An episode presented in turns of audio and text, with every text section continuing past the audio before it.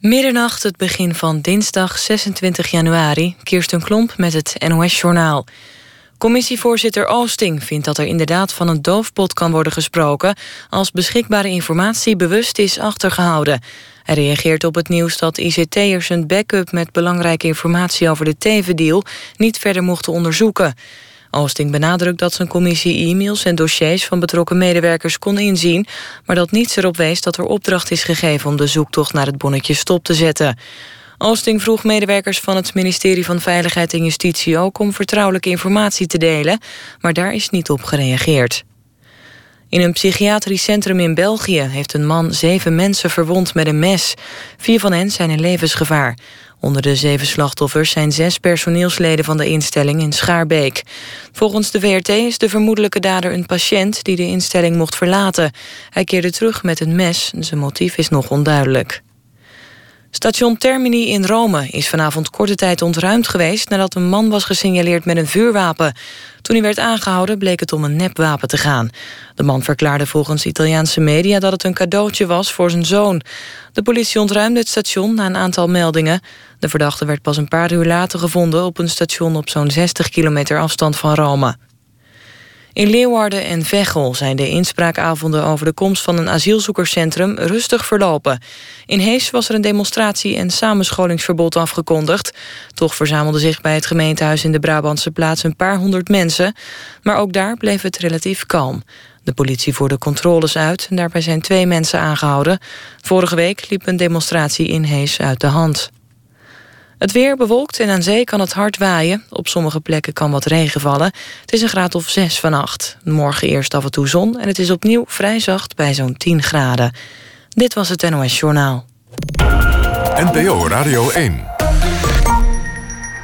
VPRO. Nooit meer slapen.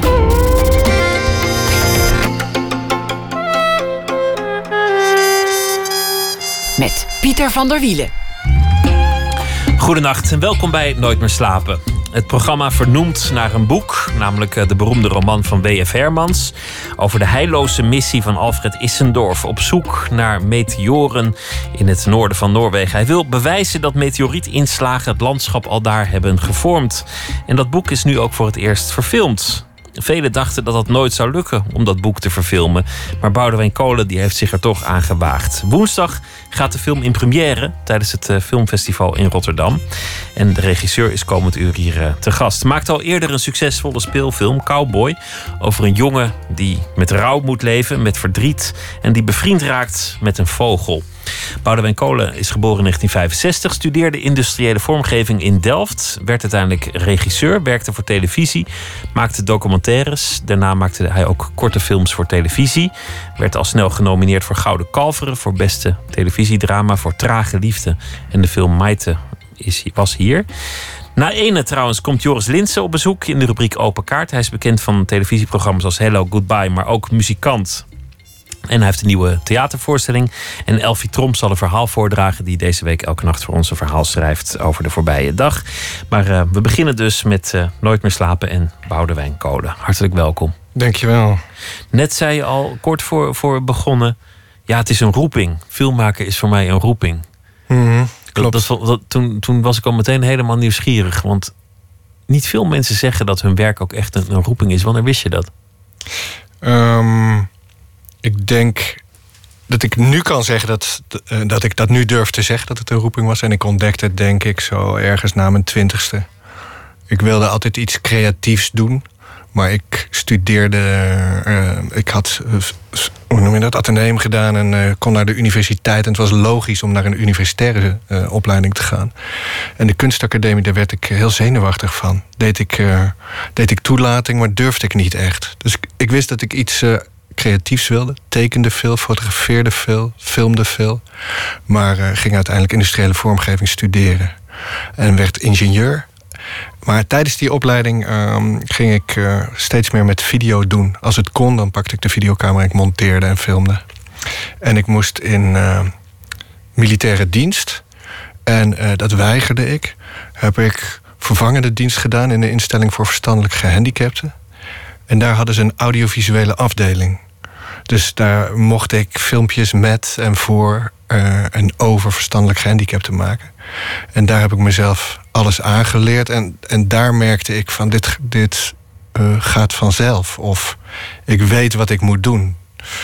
En, zonder enige opleiding, zonder dat je daar enige achtergrond in had. Ja, als ik gewoon, gewoon maar bleef proberen, dan lukte het steeds. En ik bleef er ook lol in hebben, ook al moest ik s'nachts doorwerken. Of, en ik wilde heel goed erin worden. En ik wilde er iets mee vertellen. En ik, ik had duizend dromen openden zich. Of, uh, ja. En was industrieel vormgeven dan, dan ook een beetje de degelijke keuze? De, de keuze die je maakte om, om uh, je ouders tevreden te stellen? Um, nee, het was, uh, industriële vormgeving was van alle studies de, de meest creatieve. S'morgens uh, kregen we vakken als wiskunde, materiaalkunde, uh, bedrijfskunde. En smiddags waren er allemaal praktijkvakken. Leerde je een draaibank of een freesbank uh, hanteren, handtekenen, fotografie, boetseren, allerlei creatieve vakken. Dus het was een, van alle universitaire studie de meest, ja, die het meest op een kunstacademie leek.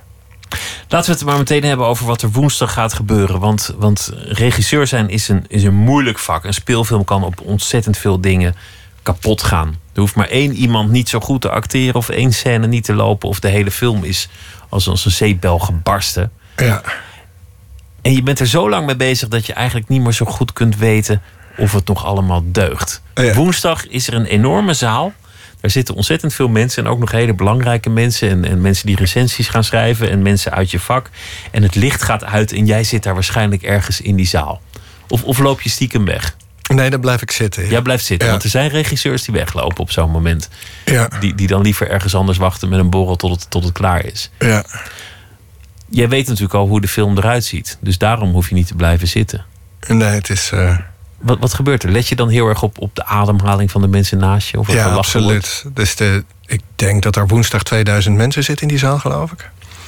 Dus dat is een, ja, het is eigenlijk een prachtige kans. Doodeng. Maar wel om uh, te voelen of je goed zit. Of, of, de, of, of je publiek de bewegingen maakt die je verwacht. Of ze een adem inhouden op spannende momenten. Of een beetje lachen als het komisch bedoeld is. Ja. Heel spannend moment, kortom. Ja, heel spannend. We gaan luisteren naar de trailer, want uh, die kunnen we alvast laten horen.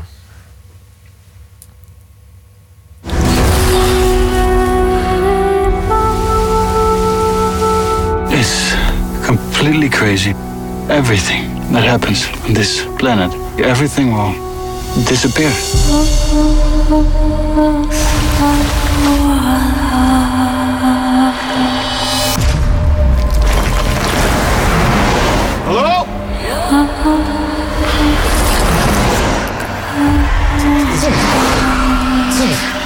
Wat?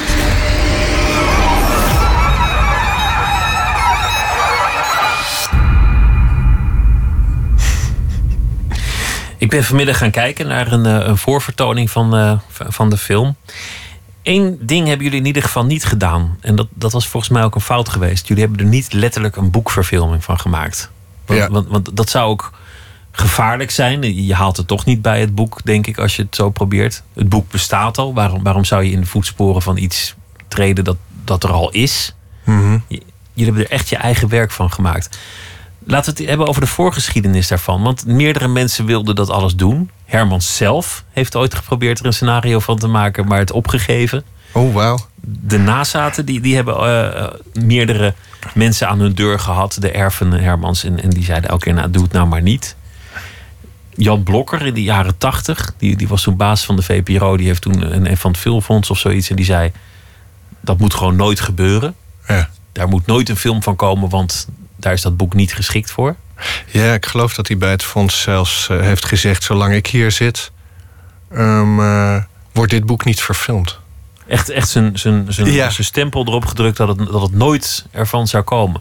Kortom, een film met een, met een lange voorgeschiedenis al. Ja. Hoe is die op jouw pad gekomen? Ik was graag in Scandinavië. Een vriend van mij heeft een huis in Zweden en daar kwam ik vaak, zeg maar één keer per jaar. En, eh, en dat jaar gingen we voor het eerst ook naar wat noordelijkere plekken rijden. En dat zijn die toendra's, de fjells. Waar de bomen niet hoger worden dan een meter. Dat vond ik betoverend. En toen herlas ik het boek Nooit meer slapen. Ik had het op de middelbare school gelezen. Of ik weet niet, ik was ergens in mijn twintig, denk ik, toen ik het las. Toen vond ik het mooi, maar ik wist niet waarom. En toen herlas ik het. Toen was ik inmiddels wat ouder. En toen herkende ik iets beter waarom ik het zo mooi vond. De leegte die erin zat. Het, uh, en de structuur van het boek herkende ik meer, omdat ik zelf meer gemaakt had toen inmiddels. En, toen, en ik had nooit de gedachte gehad een boek te verfilmen. Ik vind een boek verfilmen zo dom. Dat is literatuur, dat moet je in een boek laten zijn. Eigenlijk was ik het met Blokker eens. Sommige dingen moet je niet aankomen. En schrijf gewoon zelf een verhaal. Want dan ga je, als je een, als je een filmscenario schrijft, dan schrijf je in beelden en geluiden. Niet in mooie zinnen of. Uh, of in gedachten of in het ongezegd. Of in gedachten, ja. Je denkt in beelden en geluiden als filmmaker. Maar dit boek had iets. Iets van de leegte en, en de ruimte en spelen met de tijd. Uh, uh, wat ik heel erg herkende. En waarvan ik dacht, dat, dat, dat idee wat hij daar onderzoekt in literatuur... dat is precies wat ik wil onderzoeken in film. En dat idee, uh, dat noem je de leegte, de ruimte, de, de tijd. Wat, wat, wat bedoel je daarmee? Ja, film, film speelt met tijd. Hè. Je, snijdt, je snijdt allerlei fragmenten in, in stukken en je probeert probeer bij de innerlijke tijd te komen. Dus niet um, die van de klok, tik, tik, tik, maar hoe je tijd ervaart. En tijd ervaar je heel anders dan een, dan een uh, chronologisch uh, principe. Waarin steeds alles zich keurig opvolgt. Maar je, je flitst heen en weer in je hoofd. En uh, sommige dingen duren veel langer. en nou, dat had ik in dat boek. Die, dat, en dat principe kun je naar film vertalen toen ik dat op die vakantie in Zweden las, toen ging ik terug naar Nederland en uh, keek ik op internet of de filmrechten van dat boek uh, vrij waren. Maar die waren niet vrij. Want die hadden Hans de Wolf en Gerard Verhagen gekocht. En, uh, maar een paar jaar later, geloof ik, overleed Gerard. En toen dacht ik, hey, dat is triest, maar dan zijn de rechten weer vrij. En een jaar daarna durfde ik Hans de Wolf te vragen van zeg, zullen we het samen doen? En die heeft er een paar dagen over gedacht. En toen zijn we weer naar de bezige bij gegaan. Het hebben nog een keer geprobeerd de rechten te krijgen. Maar toen had ik nog niks gemaakt. Of alleen maar kleine, de twee kleinere televisiefilms. En de, de, de rechthebbenden die vonden dat niet interessant. Die, die hadden eigenlijk een belang bij een groot exposure als het boek dan uit uh, verfilmd wordt. Kortom, een beroemde regisseur of iemand die ja. in ieder geval een staat van dienst had. Ja, ja, dat zou beter zijn, uiteraard. En hij had zeg maar Ruprecht, de zoon van uh, Hermans, die zei: Ja, ik wil het, uh, een film hebben die in het buitenland goed doet. In Nederland heeft iedereen dat boek al gelezen. Hij moet in de, de wereld moet hij bekendheid krijgen. En het gaat hem om het boek. Het boek is zo mooi, dat moeten mensen gaan lezen. Dus die film, ja, dat, dat is een springplank naar het boek. En hij zei, ja, dus ik zie het eigenlijk heel anders. In ons gesprek was, was interessant. Want hij zei, maakt me eigenlijk niet zo uit of hij goed is of niet. Het moet vooral groot en veel uh, exposure. En toen zei ik, ja, maar dat boek, als je, dat, uh, als je daar een, mainstream uh, knaller van probeert te maken... dan, moet je de, dan ontkracht je het waarschijnlijk. Want zo is het boek zelf niet. En ik zei, ja, volgens mij ben ik de beste regisseur daarvoor. Soms moet je, moet je ook gewoon uh, jezelf verkopen. Ja. En dat heb je in dit geval gedaan. En inmiddels had je ook een, een film gemaakt die, die echt succes heeft gehad. En ook internationaal heel goed is ontvangen. Namelijk Cowboy. Daar, gaan we straks ook nog over praten. Dus, dus je had ook de staat van dienst ineens. Je, je was niet meer. Uh, ik was niet meer dat, dat jongetje met die grote bek die zei: Ik ga dat doen en ik wil die film. Ik had ineens ook gewoon een film die een aantal prijzen had gewonnen en over de hele wereld reisde. Dus toen was het wat makkelijker praten. En toen heeft uh, Ruprecht Hermans met zijn familie naar Cowboy gekeken en gezegd: Oké, dat vinden we goed. Je, je mag aan de gang. Je hebt uh, de klus. Het, het, boek gaat over. Ja, het, past heel erg bij wat Hermans eh, vaker beweerde in zijn boek. Of, of over zijn, zijn filosofie in het leven. Namelijk, we leven in een sadistisch universum. De wereld is helemaal niet geschikt voor onze mensen. Alles is je tegen je. En, en die gedachte die maakte heel mooi duidelijk in, in het boek. En dat, dat is in de film ook. Jij noemt ruimte en tijd. Deze jongen die, die gaat op een expeditie naar Noorwegen. Om eigenlijk de theorie van zijn vader alsnog te bewijzen. Zijn vader is al heel lang dood. Mhm. Maar die theorie, er is reden om te twijfelen of dat wel zo'n goede theorie is. En er is ook reden om te twijfelen of deze jongen wel de aangewezen persoon is om op expeditie te gaan en het te bewijzen. Hij raakt volledig gedesoriënteerd. Ja. En dat is natuurlijk iets wat je in film heel mooi duidelijk kunt maken. dat iemand de weg kwijt is, letterlijk. Hoe, hoe hebben jullie dat gedaan? Hoe, hoe heb je dat filmisch aangepakt om, om in iemands hoofd te kruipen en aan de kijker duidelijk te maken dat hij volledig het spoorbijster is? Om te beginnen is er, ligt er een grote inspiratie bij die plek. Dus ik ging naar de plek waar Hermans ook echt heeft gelopen. Dat is hoog, hoog in het noorden van Noorwegen, nog boven Tromsø. En uh, in de zomer gaat de zon daar niet onder. Wat ik al zei, een boom wordt niet hoger dan één meter. Groeien alleen nog maar berken en mos. En dat is als je daar een stukje gaat lopen, dan kom je in een soort eindeloos maanachtig landschap. Soms sta je op een heuvel, maar dan kun je 100 kilometer alle kanten op kijken en is er niks. En er groeit ook bijna niks. Je ziet geen, alleen maar muggen zijn daar. Dus ik heb daar gelopen met uh, Wieneke, mijn vrouw. Hebben we uh, zeven dagen met tentjes gelopen door dat terrein waar Hermans, uh, waar het boek zich afspeelt. En dan zijn we niemand tegengekomen. We hadden eten voor zeven dagen bij ons in tentjes. En we zijn alleen maar rendieren tegengekomen. Maar in de zomer vluchten de rendieren daar zelfs van weg. Omdat ze gek worden van de muggen. En die gaan naar de kust. Dus op zo'n moment besef je van ja, is het de bedoeling dat ik hier ben? Gecombineerd met dat die zon niet ondergaat. Dus s'nachts is het nog steeds licht. Het blijft maar licht. Ja. En ineens voel je dat de aarde rond is. Ik had dat besef daar voor het eerst zo sterk. Ik zeg, we leven op een planeet. En, uh, en want je ziet die zon zo van die boogjes maken. Die gaat een beetje naar beneden en dan gaat hij weer omhoog. Dan gaat hij weer naar beneden. Dus je denkt, oh, we, we leven. En, en dat gaat ook zo mooi in het boek dan, dan klim je wat omhoog. Of, of je zit op duizend meter hoogte daar en het is de luchteiler. En dan denk je, ja, wat is dat eigenlijk een dunne schil om die aarde? En alleen in die schil kunnen we leven, zegt Alfred in dat boek. Die beseft zich dat soort dingen ineens. Van, dus er is een enorme bol en met een heel dun, dun schilletje. En als we maar een klein beetje omhoog klimmen in dat schilletje, dan kunnen we niet meer ademen. En onder de grond stikken we ook, of wordt het te koud of te warm. Of we kunnen alleen maar in dit hele dunne schilletje, op dit hele kleine bolletje in dit enorme universum leven. En hij is aangewezen op de Noren die mee zijn op expeditie, maar die hem ook uh, luchtfoto's moeten geven en op allerlei manieren moeten faciliteren. En die Noren denken allereerst, wie is die jongen, maar vooral ook waar komt hij vandaan? Zo'n landje zonder bergen, zo'n landje zonder fjorden. Wat weet jij er nou van? Ja. En eigenlijk werken ze nou waar kan tegen, maar in ieder geval niet mee met hem. Ja, dat is prachtig natuurlijk, want zo ervaart Alfred het, zoals jij het nu zegt. Alfred denkt, en ze werken niet mee, of ze zullen mij wel een loser vinden, of ze zullen wij mij wel uit een moeras vinden komen. Of... Maar Noren die praten gewoon helemaal niet zoveel als ze buiten zijn.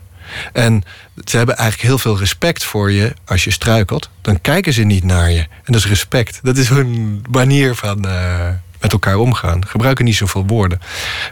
Er is heel veel van uh, wat Alfred denkt, is uh, zijn eigen angst. Zijn, je hebt daar gewerkt met beroemde Noorse acteurs. gedeeltelijk ook met een Noorse crew. Jullie hebben in dat gebied gefilmd. Nou, dan, dan moet je daar met camera en licht en, en geluid en alle attributen die je nodig hebt door dat gebied heen. In hoeverre ben je zelf is een dorp geworden? In hoeverre was het, was het lotje ongunstig toen je daar probeerde te filmen?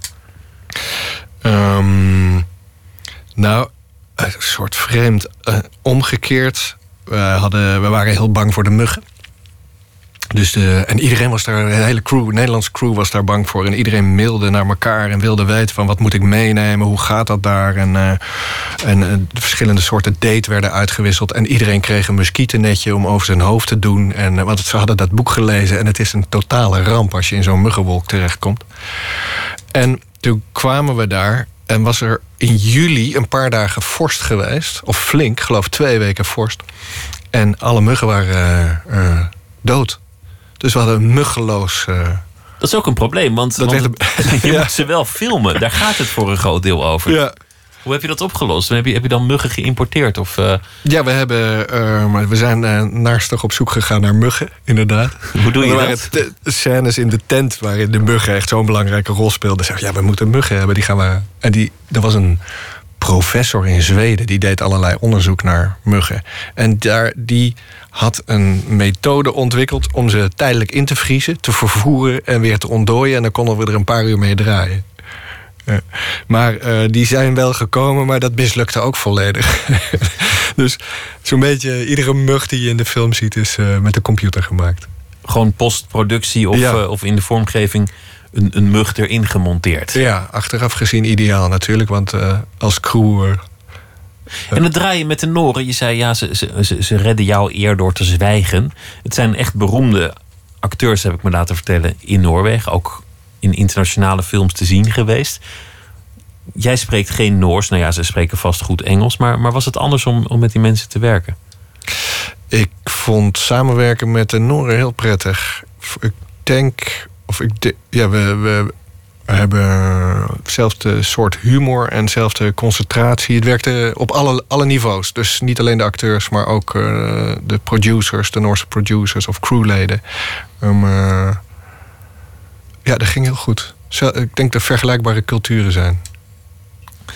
Reinoud Scholten van Aschat die, eh, die speelt de hoofdrol. Je, je- lange tijd praat hij niet. Je zit in zijn gezicht. Je, je zit heel dicht bij die camera en dan weer heel ver in dat, in dat landschap. En dan heb je ook nog scènes tussendoor gedaan die, die absurd zijn. Bijvoorbeeld dat hij verdwaalt in zijn droom in de navel van een vrouw. Alsof hij zelf de mug was. Hoe kwamen de ideeën daarvoor? Om, om, om visueel helemaal uit dat Noorse landschap weg te trekken Ja. en een soort Ehm, visioenen te maken. Ik begin, ik begin te schrijven, scenario. En dan ga ik zitten met Melle van Essen, de cameraman. Die een kunstenaar is en een vriend van me. En dan zitten we als twee kleuters te tekenen dagen achter elkaar. Ik denk ruim een maand zitten we eh, met onze tong uit onze mond met kleurpotloodjes. Of eh, ik met eh ecoline. En dan maken we plaatje voor plaatje. En vaak dan zien we dingen en dan gaan we praten met elkaar. Hij maakt zijn tekeningen, ik mijne. En dan vergelijken we. En eh, we proberen eigenlijk met zo min mogelijk schetsen eh, eh, de scènes te maken steeds. Als we te veel decoupages hebben, of hoe noem je dat, te veel shots gebruiken, dan worden we boos. Of dan zeggen we het moet met minder kunnen. Of, dat is, of, het, is, of het is voor de hand liggend. En dan kletsen we. En, dan, en zo zoeken we door. Zo, ontstaat dus, zo ontstaan al die beelden. En eh, de, de droom, er zit een droom van een vrouw. En in het boek zit, eh, denkt Alfred de hele tijd aan Dido. Zo noemt hij haar. En dat is de vriendin van zijn zus. En het is een, een meisje, dat heeft indruk op hem gemaakt. Hij is 25, hij loopt door eh, landschap, ziet dagen niks. Dus hij denkt aan een meisje. Maar in het boek komt dat steeds terug. En eh, Hermans beschrijft daar ook een soort semi-erotisch droom in het boek. Waarin hij Dido met bekkens in een groot eh, eh, orkest ziet zitten. En ze slaat die bekkens tegen elkaar en dan wapperen de haren op. En dan wordt hij wakker en dan blijkt dat de bliksem te zijn, geloof ik. En daarna pist hij tegen de regenboog. Of zo. Maar dat zou niet mijn droom zijn. En ik, ging, ik ging zoeken naar iets wat, wat meer van nu was. En wat meer bij mij paste. Maar dat is als een mug in andermans navel verdwalen. Ja, precies. Mooi, Het is ja, iets mooi. absurdistischer. Of, eh, Het ja. lichaam als landschap. Ja. En sowieso is dat wel wat we heel veel gedaan hebben met beeld, is of heel dicht op de huid. En eh, dat, ik vind dat Melle dat ook. eh, die, kan een, die kan een portret maken van een gezicht alsof het een landschap is. Dus soms zitten we zo dicht op een gezicht, wat licht te slapen, waardoor het plat komt. Als je dan goed kijkt naar dat gezicht, dan is het net een berg. Een berg in de, in de film lijkt ook op een gezicht ergens. En dat is bij die vrouwendroom ook. Dus dat hele lijf wordt gewoon een, een landschap. Ja, zo, daar spelen we mee. Met heel ver weg of heel dichtbij. En Zodat ook je de- uiteindelijk als, als kijker ook volledig gedesoriënteerd raakt. Ja. Je, bent, je bent verloren in, in, in ruimte en tijd. Ja, graag. Dat is eigenlijk de uitnodiging. Daar hebben we in de montage eh, met Gies Zevenberg zitten puzzelen. Van hoe krijgen we het publiek nou daar dat ze loslaten. Dat ze eh, die oriëntatie loslaten. En met Alfred mee gaan verdwalen. Want dat is het genot. Ga maar zitten in die stoel. Laat je gaan. Probeer het niet allemaal te snappen. Maar raak zo gedesoriënteerd. Want ik denk dat dat is wat de hoofdpersoon meemaakt. En achter die desoriëntatie vindt hij iets. Soms moet je gek worden om, om slim te worden. Zeg maar. En hij raakt niet alleen gedesoriënteerd van God, waar ben ik? En, en mijn GPS doet het niet. Maar ook, wat is mijn doel in het leven? Wat doe ik hier op aarde? Ja. En, en zijn de doelen die ik mij gesteld heb eigenlijk wel realistisch? En, en heb ik wel het goede vak gekozen? En he- heeft mijn bestaan wel zin gehad? En heb ik eigenlijk wel recht om op deze aarde rond te lopen? Nou ja, wezenlijke vragen kortom. We gaan luisteren naar Jet Rebel, want er komt een, uh, een nieuw album, of dat is er zelfs al, met maar liefst 27 uh, stukken. Thuis opgenomen op een viersporen recorder. En we gaan luisteren naar een van de stukken daarvan met de titel It's Cruel. One, two, three, four.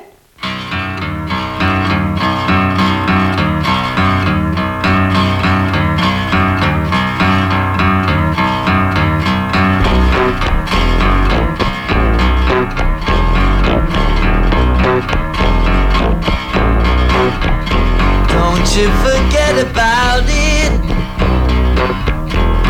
Oh no, stay close.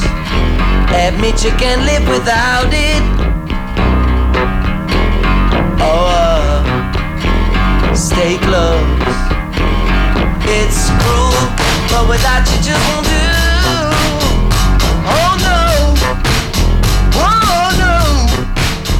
Some people got real problems. Told. Oh no, it's all my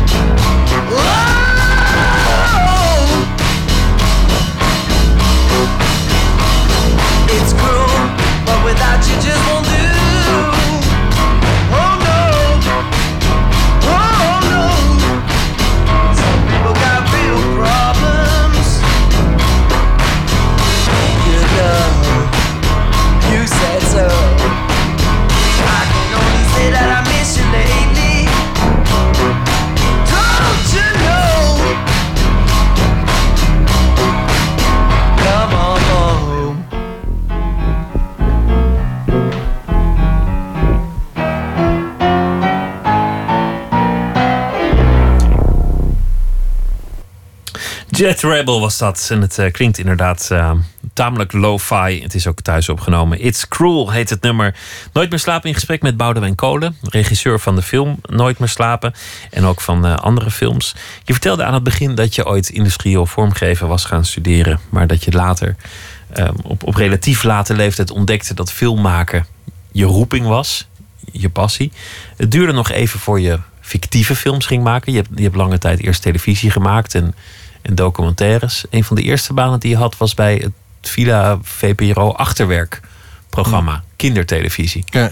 Wat, wat voor dingen deed je daar? Ehm, ik werkte voor Potje Sport. Dat was een sportprogramma. En daar maakten we zeven minuten portretten van kinderen die sporten. En Villa Achterwerk was een, uh, een prachtige plek om te werken. Je, je kon als beginnend regisseur werken met de beste cameramensen van Nederland. Want die vonden het leuk en er werd veel geëxperimenteerd. De VPRO was. Uh, ja, ze hadden het geld en, en, en uh, hoe noem je dat? Mensen met lef in de redactie. die probeerden met vorm dingen te doen voor de televisie. Gekke dingen voor kinderen, humor, alles. er kon heel veel. Dus het was een geweldige plek om om te beginnen. Kinderen zijn in jouw loopbaan op de een of andere manier altijd aanwezig gebleven. Je hebt, je hebt heel veel voor kinderen gemaakt, heel veel over kinderen. En op een zeker ogenblik kon ik zelf eigenlijk niet meer zo goed inschatten welk deel van je oeuvre nou precies voor kinderen was en welk deel nou eigenlijk niet. Weet, ja. weet je het zelf nog? Ja, maar. Ja, ik, het, ik word daar vaak over gevraagd, omdat ik veel voor kinderen uh, dingen heb gemaakt. En ik blijf het altijd moeilijk vinden. Want dat klinkt alsof dat een homogene groep is, kinderen.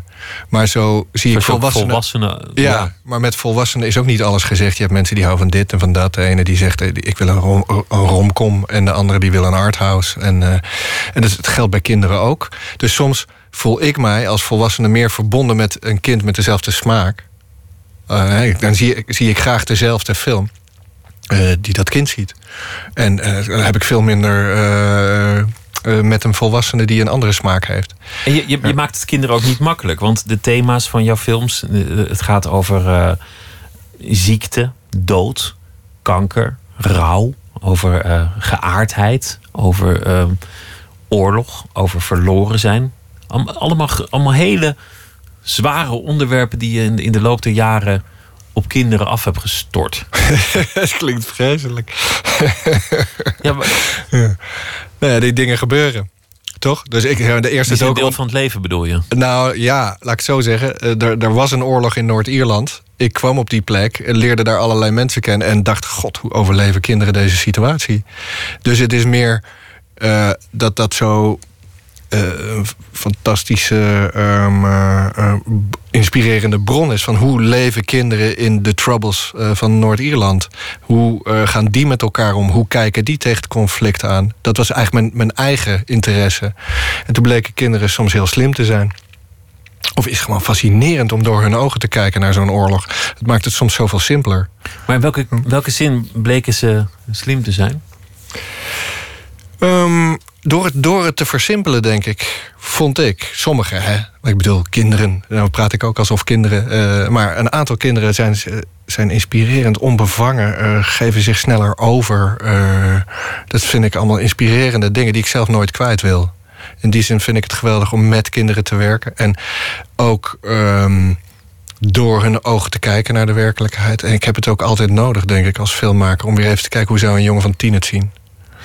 Die kinderen maakten het wat alledaagser, die, die in, in, in Noord-Ierland waren. Het, het leek alsof ze zich sneller over bepaalde gegevens heen konden zetten. De, de rancune die bij een oorlog hoort, en, en zeker zo'n Ja, zo'n zo lokaal conflict van, van Ja. jou, jou, jouw vader is vermoord door, eh, door, door mijn neef. En Ja. zo, zo gaat het er uiteindelijk aan toe. Ja. Daar kunnen kinderen zich op de een of andere manier nog overheen zetten. Ik denk dat kinderen sneller schakelen. Dus eh, dat is eh, wat je zegt, eh, zware onderwerpen en kinderen... dat is altijd boeiend om te bestuderen. Dus op een begrafenis zie je kinderen voetballen. En die kunnen dan staan huilen en vijf minuten later voetballen. Dat vind ik een geweldig vermogen. Want er lijken volwassen wetten te bestaan dat dat niet mag. Dan, dan moeten we een bepaald rouwpatroon doorlopen of zo. Terwijl waarom zou je niet mogen huilen en daarna voetballen? Dus dat vind ik inspirerend. Je zei dat je ook zelf dat niet wil kwijtraken. Nee. Dat, dat het ook een beetje over jouzelf gaat. Ja.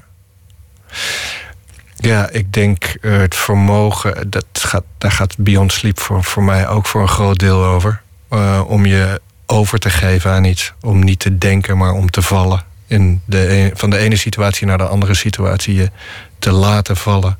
Ik denk dat dat. eh, ja, dat herinner ik me als kind dat ik dat makkelijk deed. Ik had als kind ook een fascinatie voor in slaap vallen. Ik wilde daar altijd bij zijn, bij dat moment. Maar dat kan helemaal niet. Dus je, je kan het niet bewust meemaken. Je kan in niet slaap bewust vallen. in slaap vallen. Nee. En dat is misschien wel waarom ik... Ik denk dat dat een van de grote bronnen is waarom ik film maak. Omdat ik daar in die tijd kan ik hem helemaal oprekken. Dat moment van in slaap vallen kan ik proberen te onderzoeken met film. Dat fascineerde me als kind mateloos eh, in slaap vallen. En ehm, toen werd ik ouder en toen dacht ik... Ja, wat, wat zijn er nog meer momenten zoals to fall in love, zeggen eh, de Engelsen. Dus dat is ook zoiets van, doe je dat nou langzaam? Word je langzaam verliefd of is het... Ben verliefd.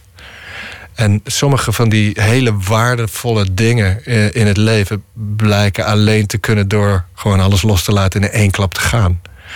En waarschijnlijk, ik, dus ik heb iets van een denker. Ik denk vaak te veel. En dan kom ik niet bij dat mooie moment wat ik probeer te bestuderen of te analyseren of eh, te ontrafelen. Maar dan kom ik er helemaal niet. En dan grijp ik terug naar eh, die onbevangenheid van het kind. En dan denk ik, oh ja, ja, je moet je gewoon laten vallen. Gewoon gaan. Cowboy, je, meest succesvolle film tot nu toe. Hopelijk eh, voor jou wordt, wordt, de volgende film een nog groter succes. Maar tot nu toe is, is het Cowboy. Gaat over een, een, een jongen zijn moeder die is er niet. Zijn, moeder blijkt overleden later in de film. Die raakt bevriend met een vogel. Er komt gewoon een, een, een vogeltje in zijn leven. Dat was een autobiografisch gegeven. Jij had als, als kind zelf ook een, een, een vogelvriend.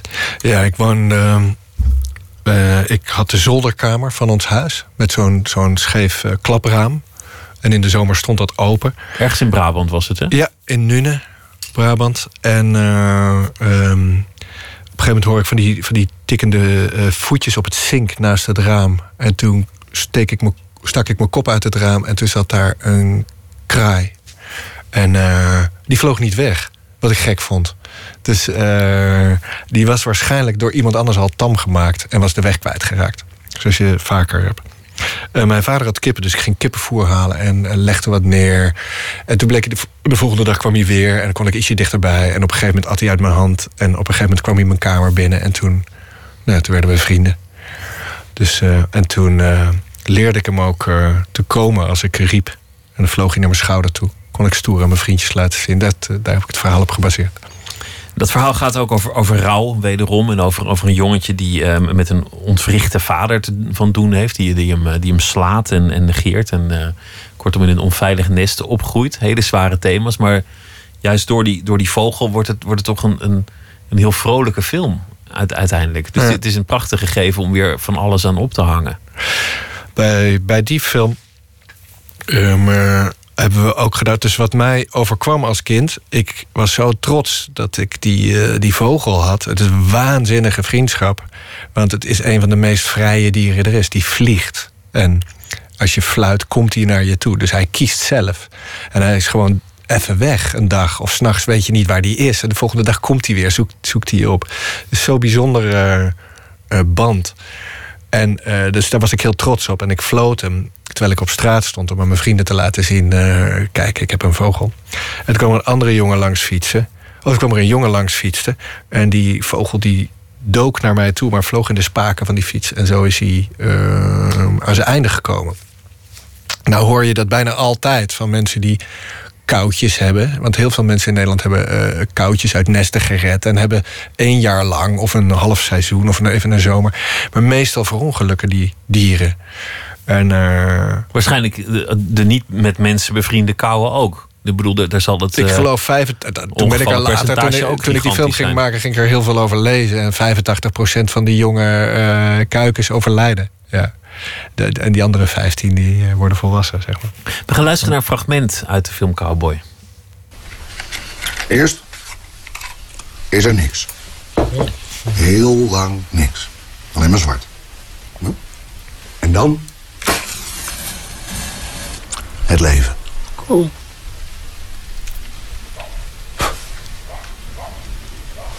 En dan niks. Helemaal niks. De vader legt uit hoe het zit aan, eh, aan de zoon. En probeert daarmee ook iets duidelijk te maken over, eh, Ja. over, over rouw en, en sterven. Jullie draaiden heel veel met een vogel. Of misschien waren het meerdere vogels. Ik, ik kan vogels nooit zo goed uit elkaar houden. Maar dat lijkt me al een ramp. Want je hebt eigenlijk de twee grootste problemen... volgens mij die je als regisseur op, op de hals kunt halen... in huis gehaald. Namelijk draaien met kinderen. Ja, het was mijn debuut, dus ik wist En- het nog en niet. met dieren. gelukkig. Ja. Achteraf, dat was best wel pittig. Ja, dat was best pittig. Nou hadden we ons ongelooflijk goed voorbereid. En ik wist, dus het scenario, daar stonden geen onzindingen in. Ik liet een dier niet doen wat het eh, eh, niet kan. Dus die animal handler, eh, die had zelf vroeger ook een koutje gehad. Die heeft het hele script gelezen en gezegd, oké, dit kan. En toen hebben we zes eh, kuikens op, op laten groeien tijdens eh, de film. Dus we draaiden in de lente over een bepaalde periode... waarin wij dan ook Jojo dat koutje zagen zien doen opgroeien. Parallel daaraan groeiden ook de, al onze acteurkoutjes op. In twee maanden tijd. En die hebben het allemaal overleefd, de film. Maar zijn, zijn die koutjes dan ook, ook bevriend geraakt met de cast... En, en uiteindelijk ook niet meer teruggegaan naar, naar hun eigen nest... of de vogelgemeenschap... omdat ze zo gewend waren aan het comfort van de filmset? nou, de filmset is geen comfort. Dat is keihard werken voor die koutjes. Dus eh, die, eh, die moesten ingewisseld worden toen ze klein waren. Er konden zo tien minuten mee filmen met een, eh, met een kuiken. En dan pakten we een ander. En je ziet het verschil niet zo goed. Dus... en ik geloof dat die, ehm, al die koutjes zijn eh, weer semi-vrij. Want, je mag ze niet te lang houden, hè? want dan hebben ze de geur van mensen om zich heen. En, en dan... De geur is niet een probleem. Dat Oh. is bij, eh, bij sommige dieren, maar vogels eh, hebben helemaal geen last van. Je kunt ze gewoon pakken. Alleen, eh, er zit vet om hun veren. Nou ja, als je niks van vogels weet, doe je al gauw iets verkeerd. Ze krijgen een ziekte of je haalt het vet van de veren af. Of, eh, Kortom, 10 minuten, dan een nieuwe vogel. Het, Ja. het, moet een ingewikkelde productie zijn geweest. En je wilde per se een niet ervaren... Dat is natuurlijk relatief als, als het gaat over kinderen... maar niet een ervaren acteur van een castingbureau... die al theaterervaring had of in, in een serie had gespeeld. Je wilde een andere keuze maken daarin. ja. Je, je hebt gekozen voor, voor een, een jongetje dat enorm charismatisch bleek. Dat, dat is een van de succesfactoren van de film gebleken. ja, is Dat, dat je dat, dat jongetje gelooft. Ja. Of die jongen gelooft. Eh, Hij is ja, relatief wel wat ouder. Tien jaar was hij, hè? Ja. Maar daarmee maak je het jezelf ook moeilijk. Want je, je koos hem vanwege zijn, zijn, zijn Ja. energieke voorkomen. Om, om, omdat hij, dat hij heel actief is. En, en ook, ook iets, iets bozigs kon hebben. Ja. Maar daarmee heb je jezelf eigenlijk ook weer een, een last op de hals gehaald. Ja, ja, maar ja, je, die jongen, we hebben 300 eh, jongens gecast. En eh, op tienjarige leeftijd vind je geen acteur. En als je iemand met ervaring vindt, dan heeft hij waarschijnlijk de verkeerde ervaring. Dat, was, dat is mijn idee. Omdat de meeste eh, televisieprogramma's, spelshows, musicals... waar die kinderen dan in hebben gezeten... zo totaal anders werken dan ik. Dus meestal, als ze talent hadden is dat eh, op een manier ingericht die voor mij ongeschikt is geworden. Zijn ze voor mij verpest, zeg maar. Dus ik kon, ik kon beter eh, gewoon iemand gaan zoeken. Typecast heet dat toch? Gewoon die op Jojo in mijn script leek. Maar hoe haal je het beste uit een, eh, een kind op zo'n set? Hoe, hoe, hoe werkt het voor een regisseur? Wat, wat moet je doen om, om een kind op het juiste moment te laten schitteren? Ehm, heeft volgens mij twee dingen. Eén, vertrouwen. Ik denk als je. Dus je probeert vertrouwen te bouwen, want het is een hele nauwe samenwerking. Doe ik bij volwassen acteurs ook. Want een acteur is een waanzinnig kwetsbaar beroep. Je staat daar, er staan 40 man naar je te kijken en een hele dikke lens. En ze staan over allerlei gekke dingen te praten, terwijl jij iets moet doen, eh, gelo- geloofwaardig moet overkomen. Je moet iets, eh, meestal iets kwetsbaars doen. Een meisje een kusje geven, of iets met een dier, of, of eh, ruzie maken met je vader. Of, maar dat geldt voor volwassene acteurs ook. Ze zijn kwetsbaar. En dan is er één man op de set op wie ze terug moeten kunnen vallen. Die, die moeten ze blindelings kunnen vertrouwen. Die moeten ze altijd voelen. En dat is de regisseur.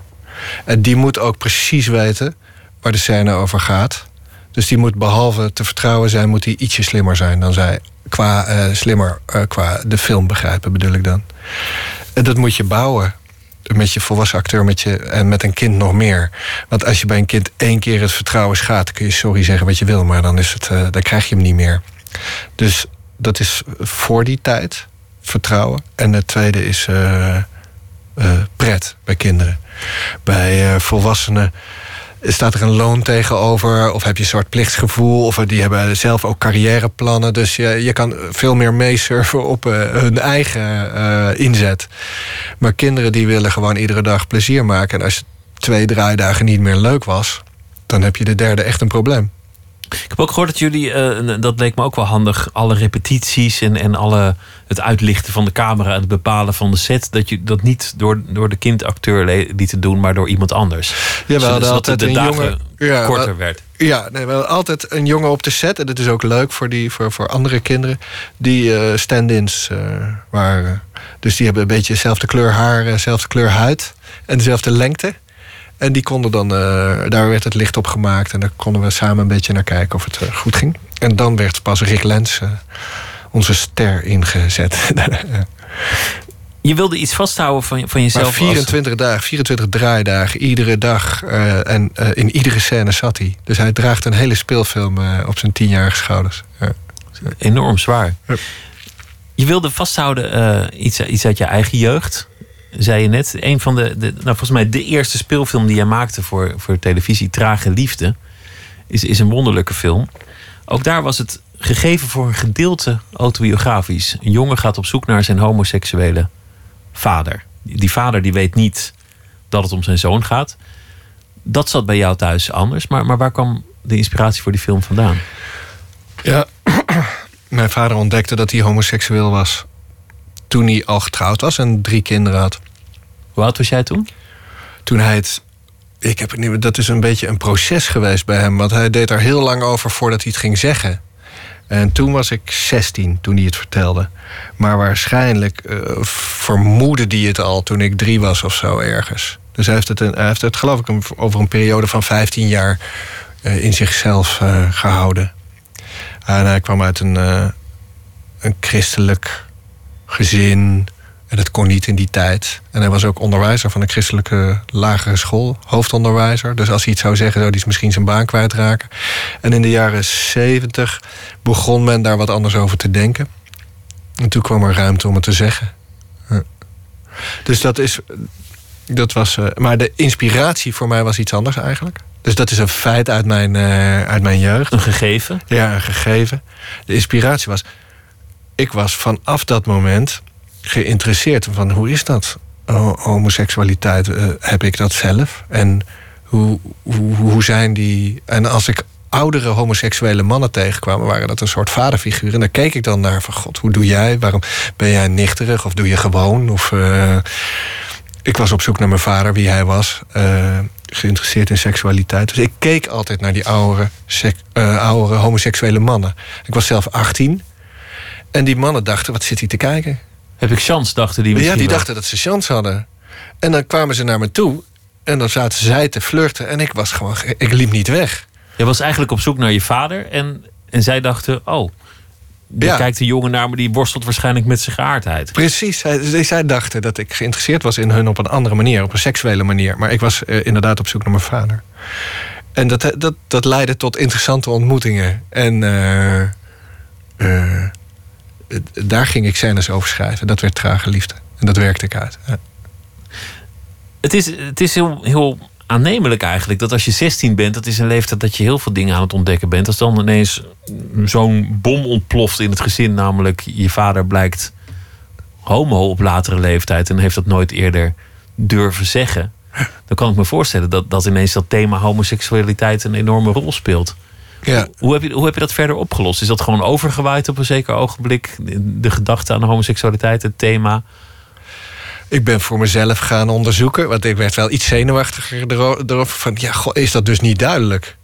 Ik had altijd alleen maar naar meisjes gekeken. Ik dacht, maar dat is misschien helemaal niet zo simpel. Want, jij was misschien bang dat je ook op een gegeven moment op je, op je 52ste uit de kast zou moeten komen. Ja, bang zou negatief zijn, maar ik, zou, ik wilde het wel graag weten, zeg maar. Ja. Van, hoeveel, eh, hoe- hoeveel procent van mij is nou eigenlijk homo dan misschien? Of is het erfelijk? Of nou ja, alle gedachten.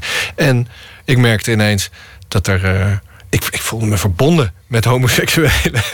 en eh, als het woord flikker werd genoemd, werd ik kwaad, weet je wel. Nou ja, allerlei periodes ga je door natuurlijk. En, maar ik wilde dat zelf weten. Ging zoenen met jongens of met mijn vrienden, maar dat deden zij ook. Dus ik weet, het heeft niet eens... We zoenden en we probeerden en zochten de grens... en probeerden erachter te komen wie ik was natuurlijk. In de, in de film eh, die je erover hebt gemaakt op, televisie gaat het nog wat verder. Dan krijgt het ook een soort Oedipus-achtige ontwikkeling. Er, er ontstaat ook een, een, een affaire tussen vader en zoon. En vader weet niet dat het zijn zoon is. Dus je, dus je hebt het nog, nog flink dramatischer gemaakt dan het uiteindelijk was. Is het, is het voor jou dan louter een vertrekpunt? Een thema dat in je leven speelt waarvan je denkt... nou, dit levert een mooie film op? Of, of zit er ook nog een soort onderzoek achter... dat je voor jezelf iets wil, wil verkennen? Ja, ga schrijven. Hè? Dus, dus daar zitten altijd dingen die me, die me boeien. En dan eh, ontstaan er personages en dat ben ik niet meer. Als het goed is tenminste. Op een gegeven moment dan... ehm, Ontstijgt het jouw persoonlijke verhaal? Ja, dan heb je een. Heb je, eh, die jongen heette Felix. Die eh, heb ik ook geboetseerd naar iemand die ik kende. En ik leen andere dingen. Eh, en die, laat, die rijdt motor. Ik kan geen motor rijden. En hij doet, hij doet heel andere dingen. Heel ander leven dan ik. En op een gegeven moment handelt hij op een bepaalde manier. En dan heb je een soort karakter geschetst. En dan kom je daar niet meer vanaf. En dan kan je wel schrijven wat je leuk vindt. Maar dan klopt je script niet meer. En dan begint dat personage tegen je te praten. En dan wordt het heel, heel erg boeiend schrijven. Toch vind ik het wonderlijk dat je aan de ene kant zegt... kinderen schakelen zo snel. Daar zit een soort lichtheid in, een soort vrolijkheid in. Maar de thema's die je kiest, die zijn over het algemeen groot en, en zwaar. Ja. Er, er lijkt toch iets tobberigs achter te zitten. dat het dan, dan altijd begint over, over dood, rouw, verdriet, verlies, oorlog. Nou, Ja, kan. Ik, ja, dood fascineert me mateloos. Ja. Iedereen wel, denk ik. Ja, dat denk ik eigenlijk ook, toch? Dus het leven is eindig en, en, en, en dat maakt het ook zo bijzonder, geloof ik. Zoals in, in de film die je hebt gemaakt over een, een, een meisje dat terminaal is, die dood alomtegenwoordig is, maar juist daardoor heeft ze ineens haast om erachter te komen wat ze nou eigenlijk met dat leven wil. Daar gaat de hele film over. Ja. Over alles wat ze wil doen. Ja, dus Heel levenslustige film is daar. Het is zo gek toch op het moment dat, we, dat, dat jij en ik ons beseffen dat we nog twee dagen hebben. Dan zouden we dit gesprek weer anders voeren. En misschien, en dat vind ik, eh, dat is natuurlijk het mooie van film. Die druk kun je er even op zeggen, zetten. Die, eh, op Kan die karakters. urgenter maken. Van, Ja, dat maakt het urgenter. En dan denk je beter na. En je komt dichter bij jezelf. En dingen worden scherper. En ik hoop steeds daar inzichten te vinden. Zeg je daarmee ook dat je probeert te leven in het besef van, van, van sterfelijkheid? Ja, als jij het mij vraagt, dan ga ik dat denken in, in de reeks. Denk ik, ja, ik denk dat dat. eh, ja, Voor zover dat kan natuurlijk. Precies. het. Wij, zijn zeer beperkt in ons vermogen tot denken. Ik vind een van de zinnen in Beyond Sleep, dat zegt Alfred: It's completely crazy if you think about it, that everything eventually will disappear. En dan zegt Arne: Ja, maar het zou ook absurd zijn als alles bewaard bleef. Toch? En daar zit een soort. Dus twee absurditeiten. En met je hoofd, en dat vind ik zo mooi aan die karakters in die film, die proberen met hun hoofd te begrijpen wat eh, eindigheid is of oneindigheid is. Maar ons hoofd kan dat helemaal niet. Dus als je stopt met denken, misschien zit het hem dan daar of zo. Maar toch zet ik die karakters steeds in die, in die spagaat, volgens mij. Van, eh, omdat ik me daar zelf waarschijnlijk in voel staan. Dit voorjaar komt er eh, wederom een nieuwe film van je uit, waar, waar je nu nog mee bezig bent. En die speelt ook voor een gedeelte, althans in Noorwegen. Die heb ik nog niet kunnen zien, die is ook nog helemaal niet Ja, af. die heet verdwijnen. Daarin wil iemand verdwijnen. Ja. Die wil gewoon niet zijn. Ja. Wat, wat kun je er verder over vertellen? Ik kan zeggen dat ik dat eh, script eh, heb ontwikkeld met Jolijn Laarman. Jolijn Laarman heeft mij geholpen het scenario voor Cowboy te schrijven. En zij heeft het hele script van eh, Verdwijnen geschreven. En ehm, eh, het speelt zich in een totaal wit landschap in Noorwegen af. En het is geïnspireerd op foto's die we zagen van Leonie Purchase, een, een, Engelse fotograaf, die bij haar moeder gaat wonen. En ehm, een jaar lang bij de moeder woont die gek is. Want die, eh, die heeft smetvrees. En die woont tussen de dozen in haar huis. En ze gaat haar, haar moeder helpen opruimen. Maar eh, ze maakt steeds foto's van de tussenmomenten of zo. Van momenten die er eigenlijk niet toe eh, lijken te doen. Die je normaal niet fotografeert. En daar had ze een 15 minuten slideshow van gemaakt. Die zag ik in foam. En ik vond die tussenmomenten ineens zo veel vertellen. Ik dacht, jezus, wat kijkt die vrouw mooi. En eigenlijk hetzelfde als wat ik met eh, Nooit meer slapen had met het boek... dacht ik, ik wil filmen zoals zij kijkt. Ik wil... Waarschijnlijk heeft dat ook te maken met... dus onder druk van, een be- van bepaalde dingen zie je scherper. Dat vind ik gaaf aan eh, fotografen of, of zo iemand als Melle van Essen... met een speciaal oog. En dan wil ik door hun ogen even kijken. Aanstaande woensdag gaat hij eh, in première op het eh, Internationaal Filmfestival in Rotterdam. Beyond Sleep of Nooit meer slapen. Boudewijn Kolen, dankjewel. Dankjewel. En heel veel succes met, eh, met de première en met die spannende twee uur in een donkere zaal. Terwijl iedereen daar ademloos de weg kwijtraakt in, Ja. in het landschap van jouw film. Dankjewel dat ik hier mocht zijn. We gaan luisteren naar een eh, gezelschap uit Canada. Folly and the Hunter met Lose That Light.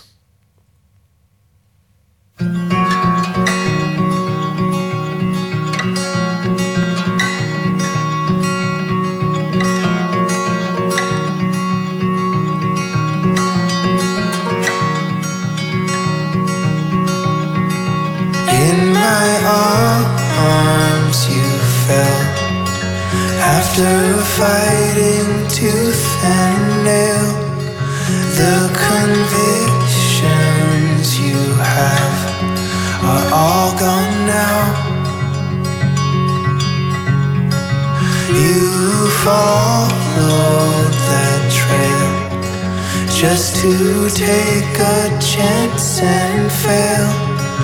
Do not let that dark voice call you out. Even if it gets hard,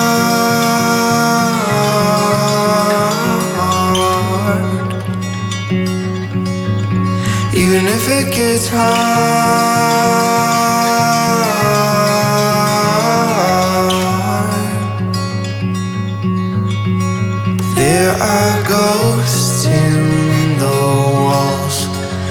that still haunt you when you fall.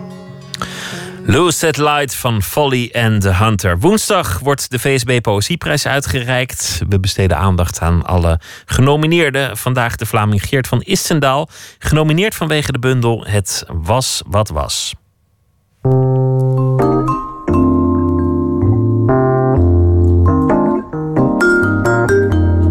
Eh, wat mij aanstaat in, in, eh, in poëzie is ehm, dat je je dwingt tot een bepaalde vorm.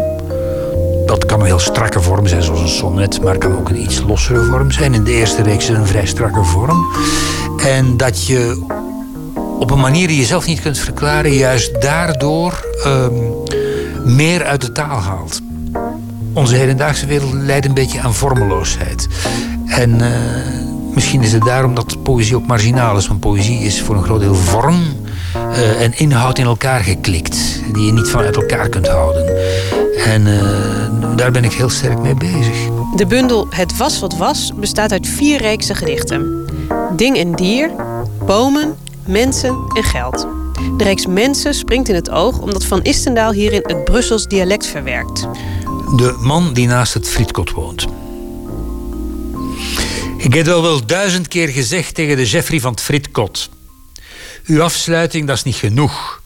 Een plaat beton, dat moet daar tegen. Of een het is eenderd als het maar toe is.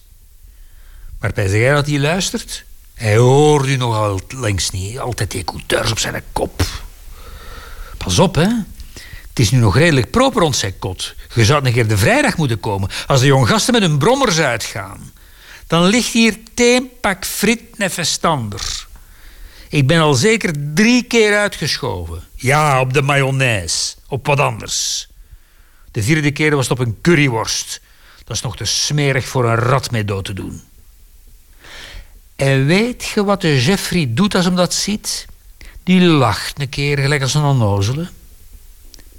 Zie, als ik niet zo'n stille mens was, ik pijs dat ik zijn tanden uit zijn frank bakken had geslagen, dat hem een nieuw salamangé kost installeren. Ik wil maar zeggen, kom nee, ik zeg niks meer.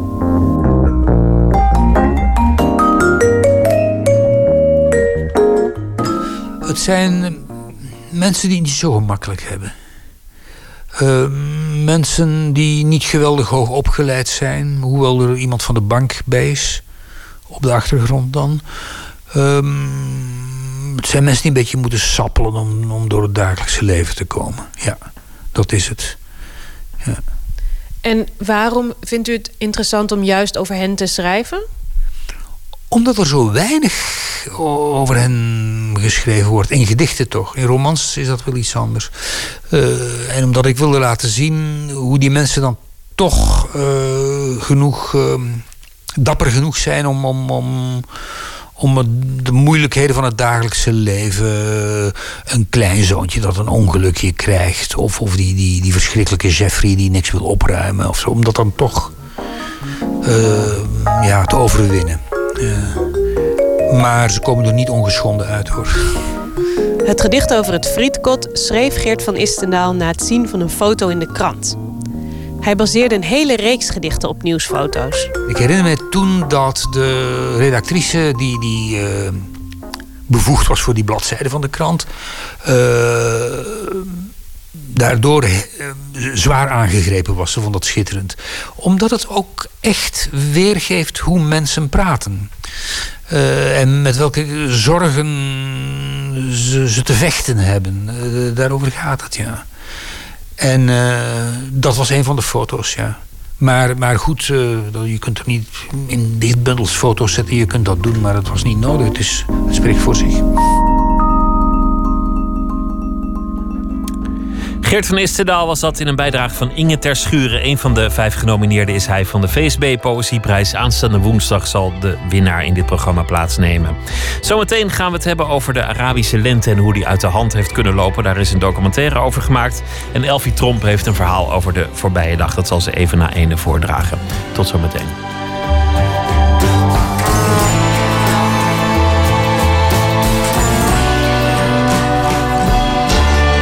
Radio 1. Het nieuws van alle kanten.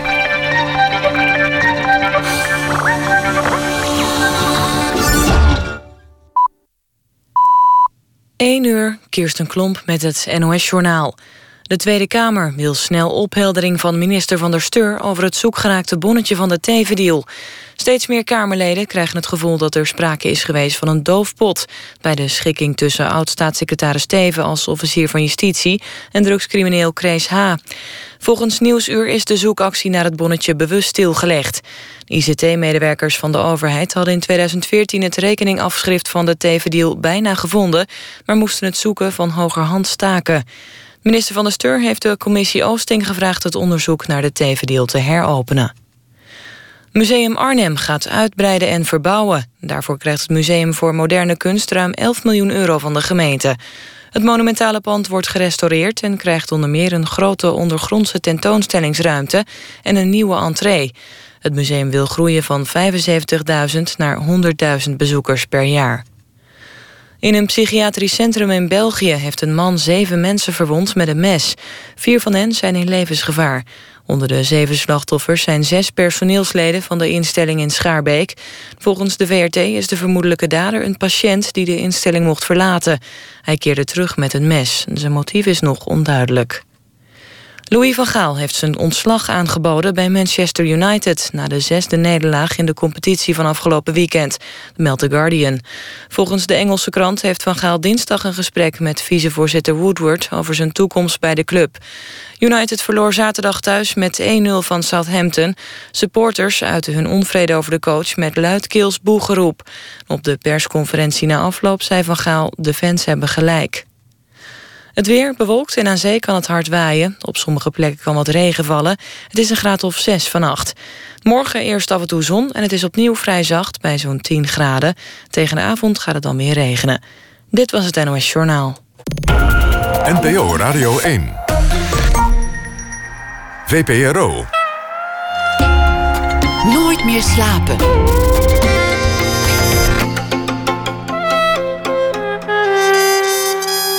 Met Pieter van der Wielen. Straks de Arabische storm, een driedelige documentaire over hoe de Arabische lente zo uit de hand is gelopen. Een gesprek met de makers van die documentaire.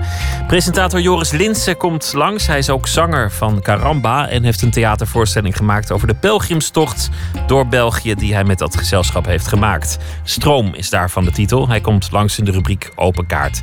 Elfie Tromp die, uh, zal deze week elke nacht een verhaal voordragen over de voorbije dag. Ze schrijft, ze presenteert, ze maakt theater. Debuteerde in 2013 met de roman Guru. En recent verscheen Underdog, dat is haar tweede boek. Goedenacht, Elfie. Goedenacht, Pieter. Elke dag een verhaal over de voorbije dag. Ja, dan moet er ook nog iets zijn in die dag dat jou uh, heeft beziggehouden of geïnspireerd. Wat, uh, wat was dat vandaag? Nou, het meest vermakelijke wat ik vandaag heb gelezen uh, was het interview met Wang Hui in de Volkskrant. Dat is de Chinese zakenman die ADO heeft gekocht. ADO Den Haag, de voetbalclub.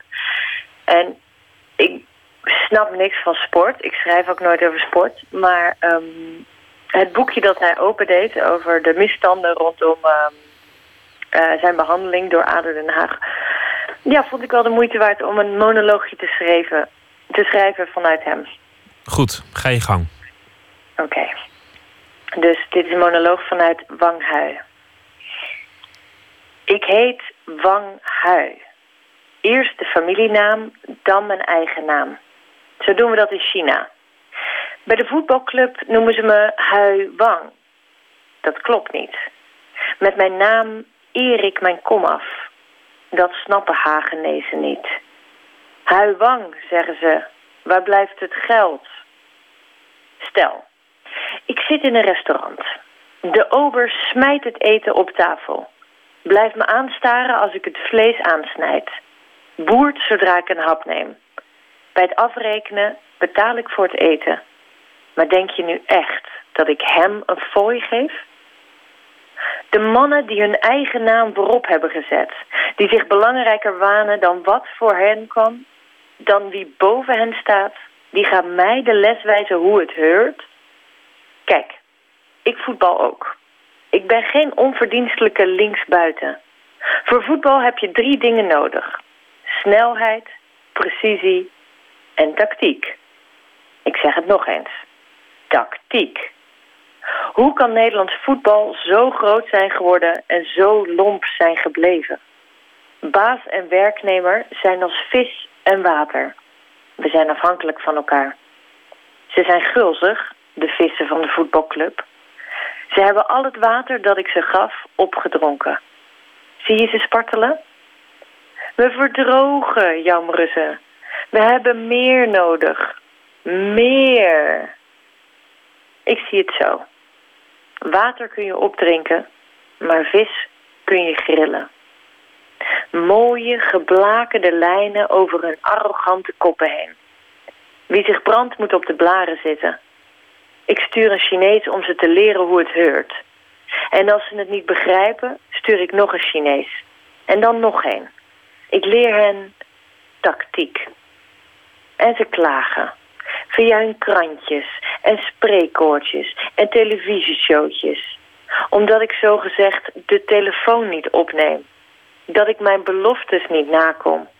Maar wat ze niet inzien, is dat het spel al lang begonnen is.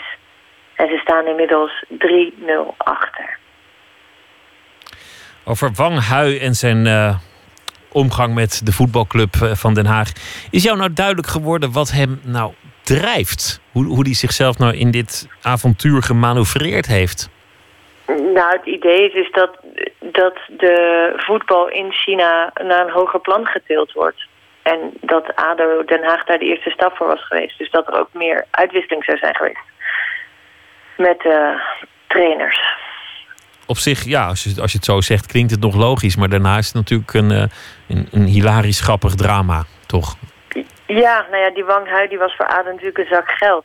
Maar ja, niet het idee dat daar ook een hele etiketten natuurlijk aan hangt. Um, en ik vind dat ze daar zo mystiek ook over doen in al die uh, uh, opiniebladen nu en panels. Ik denk, ja, Jezus, het is toch ook gewoon netjes met elkaar omgaan. Het is, uh, het is zo gewoon, natuurlijk is die man er niet van gecharmeerd als, uh, als hier van die spreekhoren staan. Nee, dat, dat zijn andere normen dan die waarschijnlijk uh, thuis gewend is. Dank voor je verhaal bij deze nacht. En uh, morgen weer een verhaal. En voor nu ja, een goede nacht. Tot morgen, Elfie Tromp. Dankjewel, tot morgen. Iggy Pop maakte een album samen met uh, gitarist Josh Homme. En dat is groot nieuws, want beiden vertegenwoordigen het beste van hun generatie als het gaat om de gitaarmuziek. Iggy Pop in de jaren 60 met The Stooges en Josh nu met Queens of the Stone Age. En dat maakt dus uh, benieuwd naar die samenwerking. Eén nummer kunnen we vast draaien, Gardenia.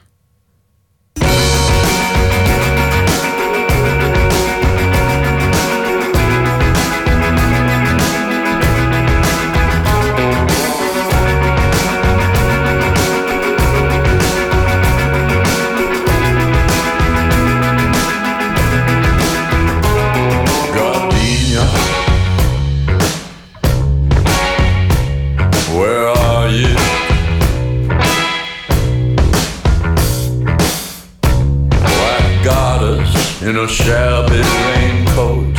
Where are you tonight? Cheap purple baby doll dress, a gardenia in your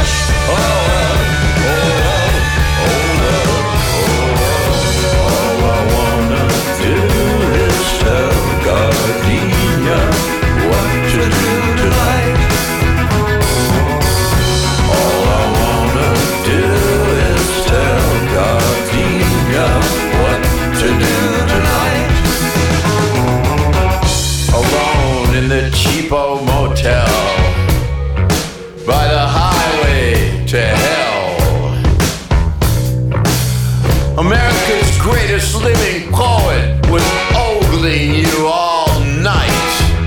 You should be wearing the finest gown. But here you are now. Gas, food, lodging, poverty, misery, and gardenia. You could be burned at the stake. For all your mistakes, mistakes, mistakes.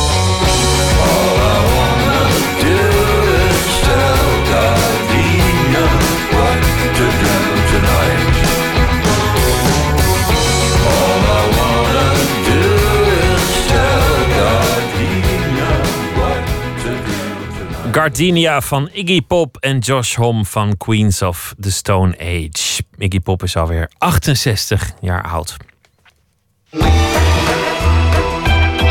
Nooit meer slapen. Komende woensdagavond zendt eh, BNN-Vara het eerste deel uit van een driedelige documentaire, De Arabische Storm. In die documentaire onderzoeken de makers via persoonlijke verhalen hoe een zo hoopvol ingezette Arabische lente ontaarde in een crisis met oorlogen, vluchtelingen en wereldwijde consequenties. Jan-Paul de Bond die spreekt bij de makers, journalist Sinan San en samensteller Thomas Blom. Op dit kleine marktje in Sidi Bouzid is het allemaal begonnen. Vijf jaar geleden stond er een jonge marktkoopman, Mohamed Bouazizi genaamd. Hij stond daar met zijn fruitkar. Hij stond daar elke dag. Hij kon de pesterijen en corruptie van gemeenteambtenaren en politie niet meer aan. En heeft zich verderop in brand gestoken.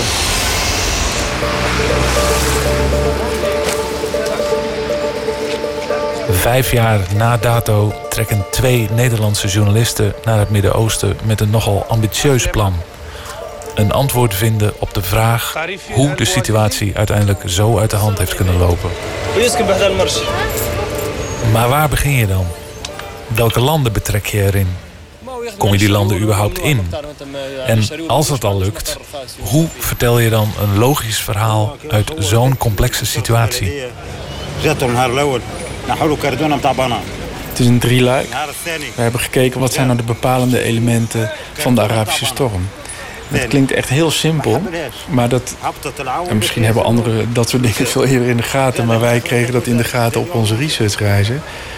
Om een storm te laten ontstaan, heb je allereerst een, een, een leger aan ontevreden jongens nodig. Heb je een ideologie nodig die hun eh, bereikt en die hun in, in, in zijn greep houdt. En heb je een conflict nodig, wat in potentie een storm kan worden. Nou, dat conflict is natuurlijk in Syrië heel erg aanwezig en ook in, in, in Libië en in Jemen. Dus die elementen, daar hebben we ons op gefocust. En die proberen we zo goed mogelijk te vertellen. We proberen het toegankelijk te maken. We kennen alle invloeden van Saudi-Arabië en noem maar op natuurlijk. Dat weten wij ook allemaal. Of dat horen wij ook zeker daar. Maar we focussen ons op wat, hoe kan die lente tot een storm verworden.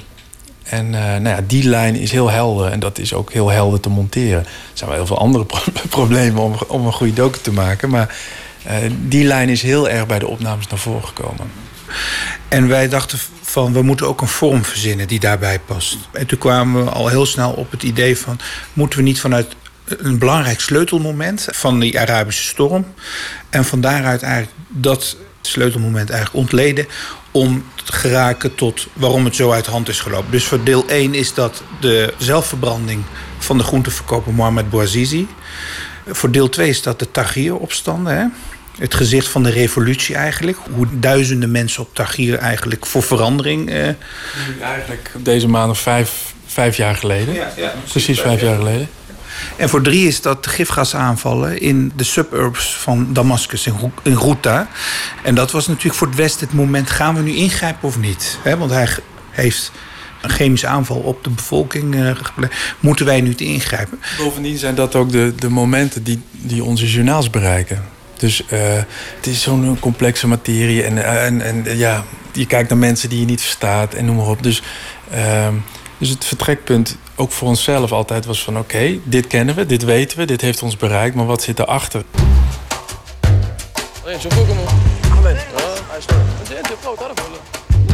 Het antwoord op die vraag wordt niet gezocht in uitgebreide analyses, maar in kleine persoonlijke verhalen. En de documentaire slaagt er vervolgens in om die verhalen samen het grote geheel te laten vertellen. Van het verhoor van een opgepakte IS-strijder in Syrië terug naar de jeugd in Tunesië, die geen perspectief meer ziet in eigen land. En waarvan een deel ten prooi valt aan de recrutering door extremisten.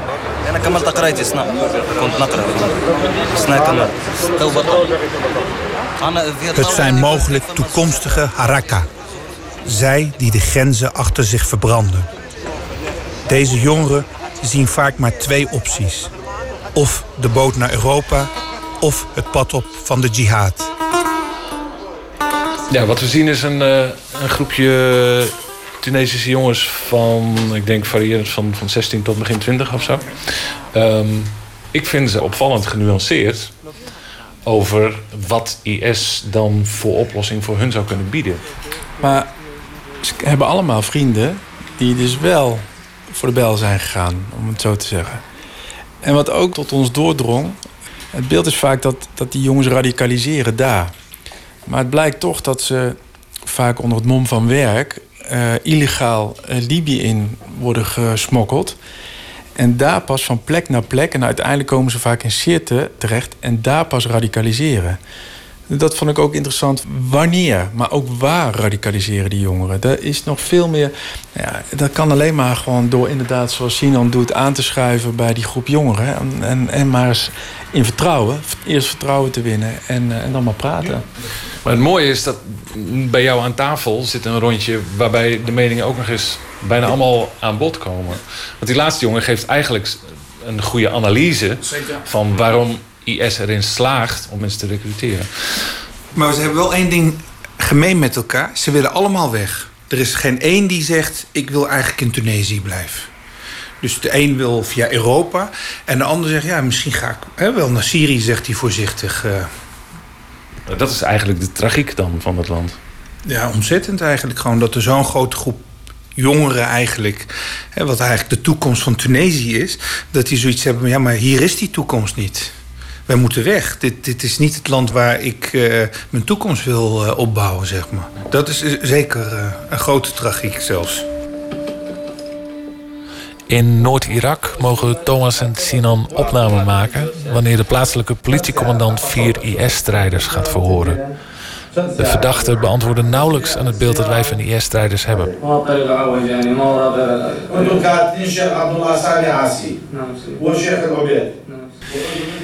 Ja, het is een gekke situatie. Je zit eh, aan de rand van Kirkuk. Je weet, nou ja, als IS een uh, wil uitoefenen, dan doen ze dat daarop. Eh, wat, wat ons het meest trof, dus wat zie je als je IS afsminkt? Dus die beelden die wij kennen vanuit onze journaals en de beelden eigenlijk die IS zelf creëren. Wat als je dat allemaal weghaalt? Ja, dan hou je voor een deel hou je dit soort mannen over. Maar dat is wat, je wel dus goed zei. Het lijken eenvoudige mannen. Maar het zijn ook eenvoudige mannen. Want als je dus de motief ziet. Hè, want hij- die ene zegt, ja, ik heb geld gekregen. hè, 450 dollar volgens mij. Wat, wat hier weg is, is het angstbeeld wat wij hebben van IS. Nou, daarom laten we het zien en daarom laten we het ook openlijk zien. Maar ik zat toevallig zien dan, ik zat gisteren nog even na te denken. Eigenlijk bijna op elke plek waar we geweest zijn, is er bom- ongeveer een bomaanslag geweest. Ik was in Tunesië, in de, de, de hoofdstraat, in Tunis. Eh, gisteren Gizeh, de plateau waar wij gefilmd hebben in die wijk. Eh, Asaka. eh, dus niet dat. Maar we willen daar in die serie juist niet de nadruk op leggen. Iedereen weet wel dat het onrustig is. We willen. Maar het, ja. Ja, gisteren drong het heel even tot me door. Eigenlijk eh, drong dat ook helemaal niet door toen we aan het maken waren. Want dan ben je gewoon bezig om, om te praten met mensen. En om, dan zit je thuis en dan hoor je dus dat er een bom is afgegaan in Kirkuk op het pleintje. Dus waar, waar wij hè, stonden en eh, naar eh, eh, de- commandant gingen, zeg maar. Het, het heeft ook wel de bewondering voor zeker plaatselijke journalisten die daar hun nek uitsteken, eh, enorm vergroot. Dus wij, wij willen ons daar niet eens mee vergelijken. Ehm, Maar ja, het is, het is elk, als je een verkeerde zin uitspreekt, dan, nou ja, of je interview gaat niet door, of je bent gewoon het haasje. Alleen de zorg daarbij is wel dat degene met wie we praten, dat die ook geen gevaar lopen. En een, een voorbeeld is eh, in een, eh, een vluchtelingenkampje in, eh, in Libanon.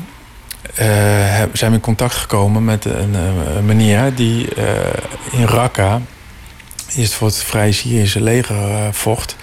En toen kwam IS in Raqqa en hij heeft zich ook aangesloten bij IS. Heeft daar drie maanden eh, meegevochten. Vertelt helemaal van binnenuit hoe, eh, hoe dat eraan toe ging. Welke pillen ze kregen. eh, wie eigenlijk de meest gruwelijkheden beging. Maar dat is bloedlink voor hem. Want hij zit in Libanon, in Sjiïtisch gebied. Is hij bereid om dit verhaal, eh, wat we natuurlijk ook wel checken... maar is hij bereid dit verhaal te vertellen? Kan dat een punt bereiken waarop je bijna iemand gaat waarschuwen van...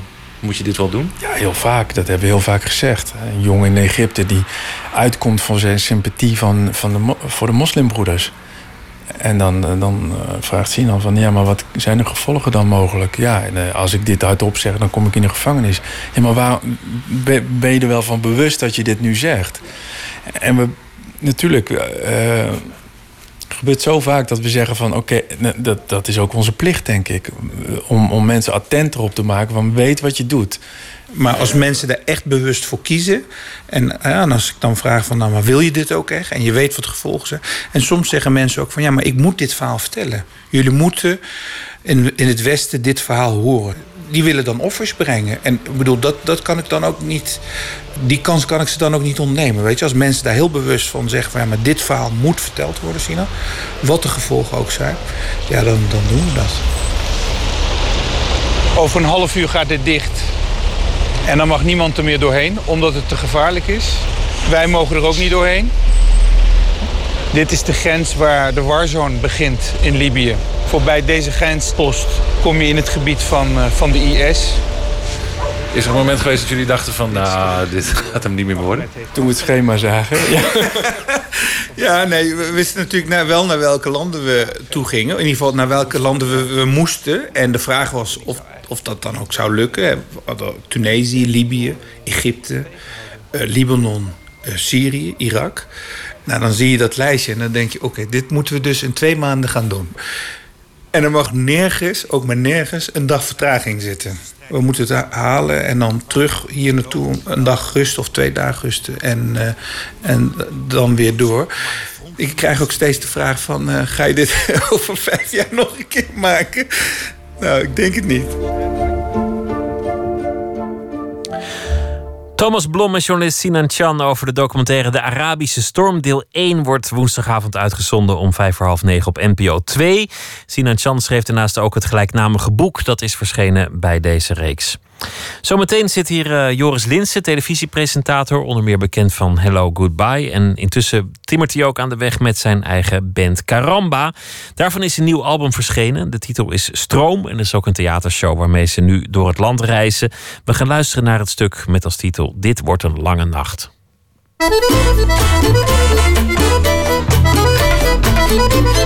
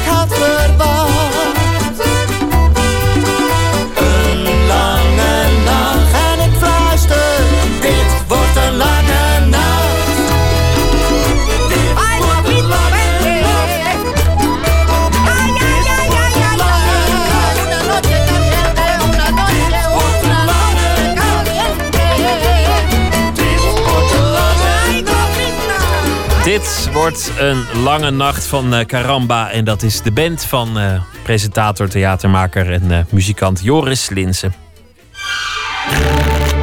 Open kaart.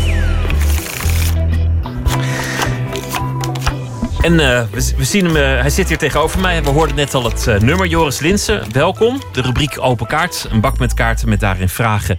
En eh, hopelijk zitten er leuke vragen tussen. Want de bedoeling is dat je een vraag trekt en hem ook eh, beantwoordt. Maar we gaan het eerst even hebben over eh, de voorstelling. Theatervoorstelling Stroom met de band Caramba.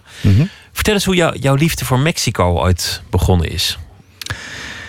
Ik eh, ben eigenlijk historicus en voor mijn afstudeerscriptie heb ik in Mexico-stad eh, een tijdje onderzoek gedaan. En toen woonde ik daar alleen op een kamertje boven een Nederlandse journalist. Ik woonde bij zijn zwager.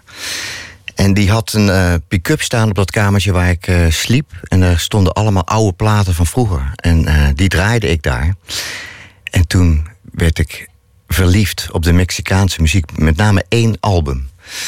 En dat album waarin Armando Manzanero liedjes zingt van José Alfredo Jiménez en andersom, dat zijn twee grootheden uit Mexico. Dat album eh, is, eh, ja, is een sleutelalbum in mijn leven geworden. Uiteindelijk heb ik eh, een van die beide zangers ontmoet. 23 jaar later.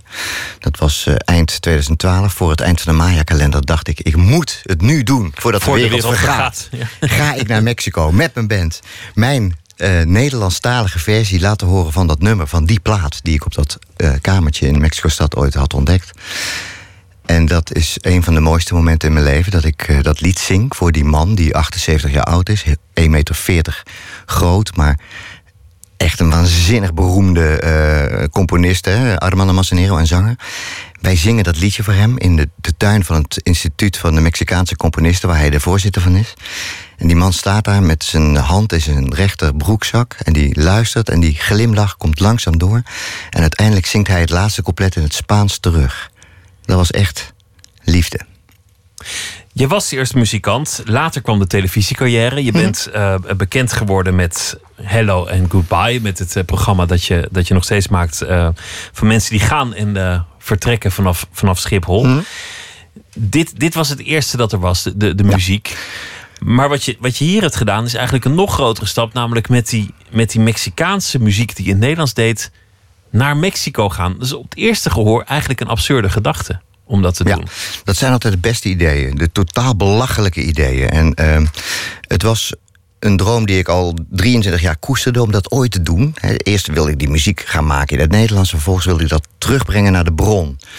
En dat was zo spannend, maar ik heb wel gemerkt als je dingen droomt die eigenlijk bijna niet kunnen, dan kunnen ze. En als ze het niet kunnen, dan, dan heb je niet hard genoeg gedroomd, dan wilde je het niet echt. Ik wilde dus naar Mexico met die Nederlandstalige muziek. En uiteindelijk heb ik daar opgetreden in een stadion van 20.000 uitzinnige Mexicanen die dat geweldig vonden. In het Nederlands? In het Nederlands. Natuurlijk belachelijk.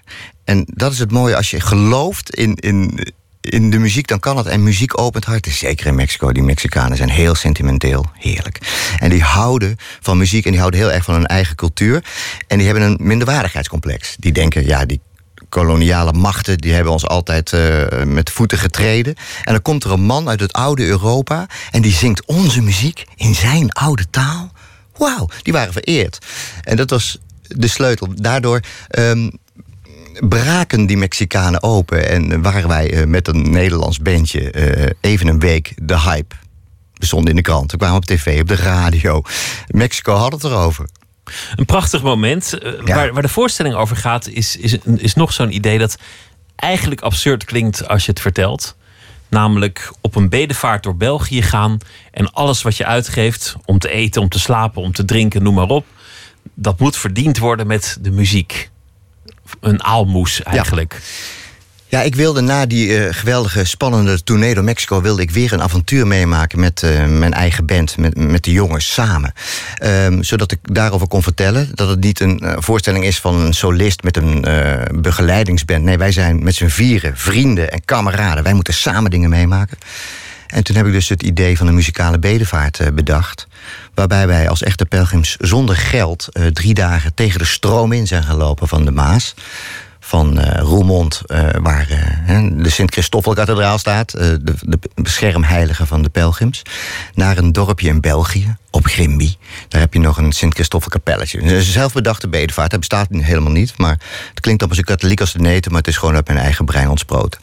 En um, dat ging dus ongelooflijk goed. We wisten van tevoren niet hoe het zou gaan, maar we hebben zulke bijzondere mensen ontmoet. En wat ik merk, naarmate we die show vaker spelen en hoe mensen die we toen ontmoet hebben weer komen kijken, die zitten nou in de zaal, die vertellen me allemaal dat de ontmoeting met ons hun leven heeft veranderd. En het is natuurlijk magisch dat jij iets bedenkt, dat je vervolgens ontmoetingen hebt en dat dat levens verandert. Dat is wel de rode draad in, jou, in jouw werk geworden, althans zo lijkt het op enige afstand. Ontmoetingen. Hello Hmm. Goodbye gaat daarover. Een enorm succes, dat, dat programma. Je hebt je er ook wel eens tegen verzet van nou, nu is het mooi geweest. Toch weer teruggekeerd van nou, het, is- het is toch te, te dierbaar om er helemaal mee op te houden. Het moet maar doorgaan. Dit gaat ook weer over ontmoetingen. Wat je net vertelt over Mexico gaat er eigenlijk ook over. Ja. Hoe, hoe zie je dat? Waarom, waarom is dat bij jou gaan passen? Ehm, ja, ik weet niet waarom dat is, maar het is wel een feit dat eh, alles over ontmoetingen gaat. En ehm, dat dat heel fijn is dat ik twee instrumenten heb gevonden, waardoor je makkelijk mensen kunt ontmoeten. Namelijk de, de camera is een geweldig attribuut, waardoor je alle koetjes en kalfjes kunt overslaan en meteen echt tot een kern kunt komen en iemand kunt ontmoeten, waarlijk kunt ontmoeten. En ook de muziek is zoiets. Als jij speelt voor iemand, heb ik gemerkt. Als je een serenade brengt aan iemand, dan, dan gaat zijn hart open. En eh, ik houd van die ontmoetingen en misschien eh, is, is het heel fijn dat ik die twee, ding, die twee werelden heb ontdekt, omdat die mij dus het- de, gere- het gereedschap geven om te ontmoeten. Want als je dat gewoon zo op straat doet of zo, dan is het toch minder. Die camera die legitimeert je om dieper te gaan. En soms onbehoorlijker te zijn dan in het gewone sociale verkeer. En de muziek die geeft je ook een alibi om helemaal in het hart te gaan zitten van iemand. Zullen we beginnen met eh, de kaarten? Hier is de bak. Mhm. Eh, ik wil je vragen om één zo'n kaart te trekken. Gewoon willekeurig. Ja, pak Schud er maar één. en- Misschien zijn ze allemaal wel hetzelfde. Zou kunnen. Wanneer heb je je enorm geschaamd? Ja. Ja, schaamte. Ik, ik schaamde mij vroeger toen ik klein was... voor het feit dat ik André Hazes heel erg goed vond. Ik groeide op in een eh, links intel- intellectueel milieu... waar eh, ja, mijn ouders draaiden de Birds en Mr. Mistero Buffo... en eh, de Beatles en dat soort dingen. Bots. En wij gingen ook allemaal naar hele goede concerten. En ik zat in een punkband. Ik was 16. Ik hoorde André Hazes op de radio en ik was geraakt. Alleen iedereen in mijn omgeving vond dat fout en slecht. Dat was zo En- in die tijd. Hè? en Toen, toen hij begon. Ja, dat wisten ze ook Ja. zeker. Hè? Dat, waren, dat was gewoon ook een feit. Dat was gewoon fout. Dat kan je nou bijna niet meer voorstellen, maar dat was toen echt zo. Dus ik kocht stiekem eh, zijn singeltjes... en die deed ik helemaal onder op de stapel, zodat niemand het zag. En zong die nummers mee die mij zo raakten... omdat ze zo direct waren en zo, zo'n verbeeldingskracht hadden. Je zag altijd meteen een scène voor je bij zijn liedjes. in een discotheek zat ik van de week naast een lege kruk... zie je meteen, bam, filmscène. Supergoed. Hebben de meeste Nederlandse liedjes helemaal niet. En zeker niet eh, uit Volendam en zo. Dat gaat helemaal nooit over beelden. Het gaat allemaal over constateringen. Ehm, maar goed, ik schaamde mij dus ehm, daar eigenlijk voor. En ik heb er 13 jaar over gedaan, uiteindelijk om die schaamte voorbij te komen. En dat heb ik gedaan door André Hazes en eh, de het Nederlandse lied te parodiëren. Dus ik heb 13 jaar lang opgetreden als Ome Cor. Eh, ik heb daarmee zelfs op Lowlands gestaan, eh, drie jaar achter elkaar. Een grote zaterdagavond revue met allemaal foute muziek en foute pakken en foute danseressen en alles erop en eraan. Goochelaars, dwergen, weet ik veel wat allemaal, naakte vrouwen. Allemaal, dus het was camp. En ik heb dat echt nodig gehad om uiteindelijk tot de slot om te komen. Ja, sorry, maar ik ben, ik hou er echt van.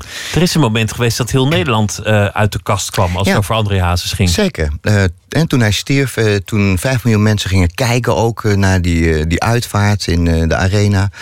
En ehm, zeker na die film van John Appel werd hij dus salonveeg, zou ik maar zeggen. Ehm, ja, ja dat, ik had dat dus al veel eerder, maar ik schaamde me dus mij daar vroeger voor. Maar uiteindelijk... eh, Om niks. Helemaal niet meer natuurlijk. Voortaan gewoon meteen zeggen dat je iets... eh, Ja, maar het zegt voor- ook heel veel over de tijd hè, waarin ik opgroeide, waar dat dus echt zo was. Dat je goed en fout had. Ik, ik, ik kan me dat ook hield van herinneren. Bram en Freek en zo. Dat, dat was goed. En André Hazes was, eh, was fout. Dat soort onderscheid bestaat nu minder. Wil je nog een, een kaart trekken? Ja. Van wie heb je het meest geleerd? Nou, we hadden het net over eh, die Armando Manzanero, die Mexicaanse componist-zanger, die, eh, waarvan ik zijn mooiste liedje heb vertaald ooit. En dat mooiste liedje van hem, dat heet Contigo Aprendi. En dat betekent, met jou heb ik geleerd. Dus niet van jou, want dat, eh, dat suggereert een zekere meester en een leerling. Nee, maar met jou. Dus samen heb ik een inzicht gekregen. Alleen die zin vind ik al geniaal. Dat nummer heb ik vertaald, maar omtaald eigenlijk. Dus mijn eigen woorden aangegeven. Dus een beetje in de sfeer van het nummer vertaald. Voor mijn vrouw. En zij is ook degene van wie ik het meest heb geleerd. En eh, ik heb dat in dat lied als volgt omschreven. Met jou heb ik geleerd dat een bloem lekker kan ruiken. En om te beminnen in plaats van te gebruiken. Mooi. Trek nog een kaart als je wil. Kun je goed met geld omgaan? Eh, ja, ik kan heel goed met geld omgaan. ehm, hoewel het mij weinig interesseert. Dus ik heb geen ehm, enkele ambitie om ontzettend veel geld te vergaren. En ik geef ook heel weinig om spullen. En om luxe. Ik woon ook al heel lang in dezelfde wijk bijvoorbeeld... waar misschien menig ander presentator op een gegeven moment denkt... dat hij echt naar het gooien moet of naar een villa in Blaricum of zo. Maar dat interesseert me werkelijk niet. Ehm, dus als je geld niet zo heel ehm, belangrijk vindt om er veel van te hebben... dan is het ook niet zo moeilijk om er goed mee om te gaan. Maar je moet af en toe wel opletten. Ik bedoel, niet aan het uitgavenpatroon, maar je moet natuurlijk af en toe zakelijk zijn. Anders, anders doe je het voor niks en voor een boekenbon. Ehm, ja, ik vind wel zo dat bijvoorbeeld als je eh, ergens geld voor krijgt, vind ik het wel belangrijk dat dat een zekere eh, hoogte heeft. Om, omdat het dus dan gaat over wat je echt verdient, zou ik zeggen. Dus als je ergens eh, wordt afgeschreven met een fooi of, of doe dat even gaat, dat vind ik ook vervelend. Ik vind wel dat het ehm, bij een beloning kan horen. Dus ik, het is niet zo dat omdat ik niks meer geld geef, dat ik zeg van nou ik doe alles wel gratis of zo. Maar het is geheel geen eh, belangrijke drijfveer voor mij. Het is niet eh, wat je motiveert. Trek nog een kaart. Waarin ben je dwangmatig? Hm. Oh, dat is een mooie. Mhm. Ja, mijn eh, jongste dochter lachte mij daar laatst nog om uit. Die heb ik ooit eh, per ongeluk verteld. Dat als ik wakker word, staat altijd een glas water naast mijn bed, waar ik ook slaap. En dan begin ik de dag altijd met zeven slokken water. Als Exact een zeven. autist moet ik ja, zeven Geen slokken zes, water. geen acht. Nee, zeven slokken. Zeven is mijn geluksgetal. En, ehm, maar zodoende ben ik ook langzaam zeker aan een tellertje geworden. Dat schijnt een veel voorkomend fenomeen te zijn. Maar dat ik dus ook vaak dat tel. eh, Hoe lang je tanden poetst of zo. Of dat je...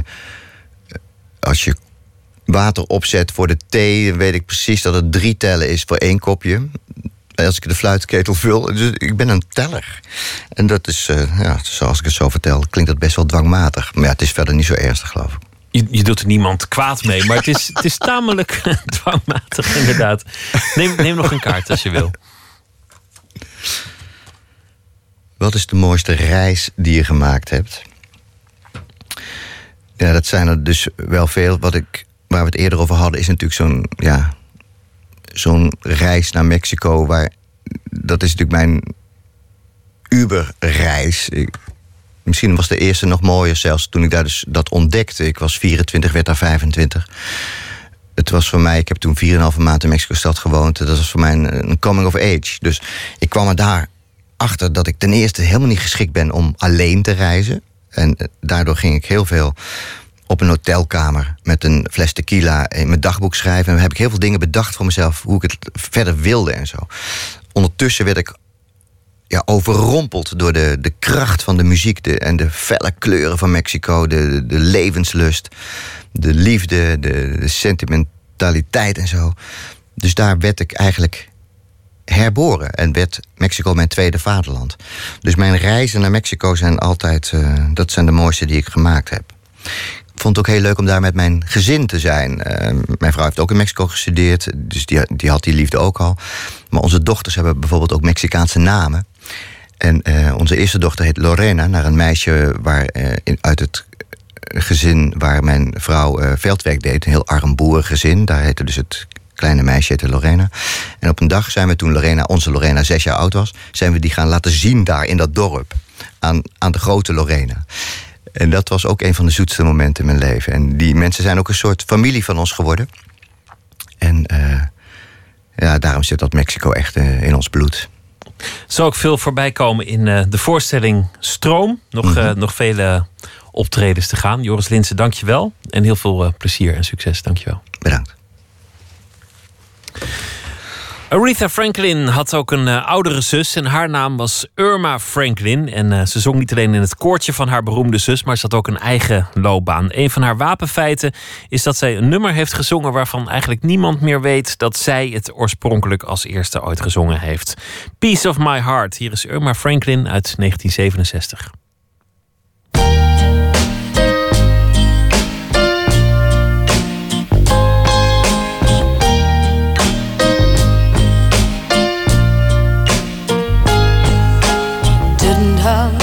Feel like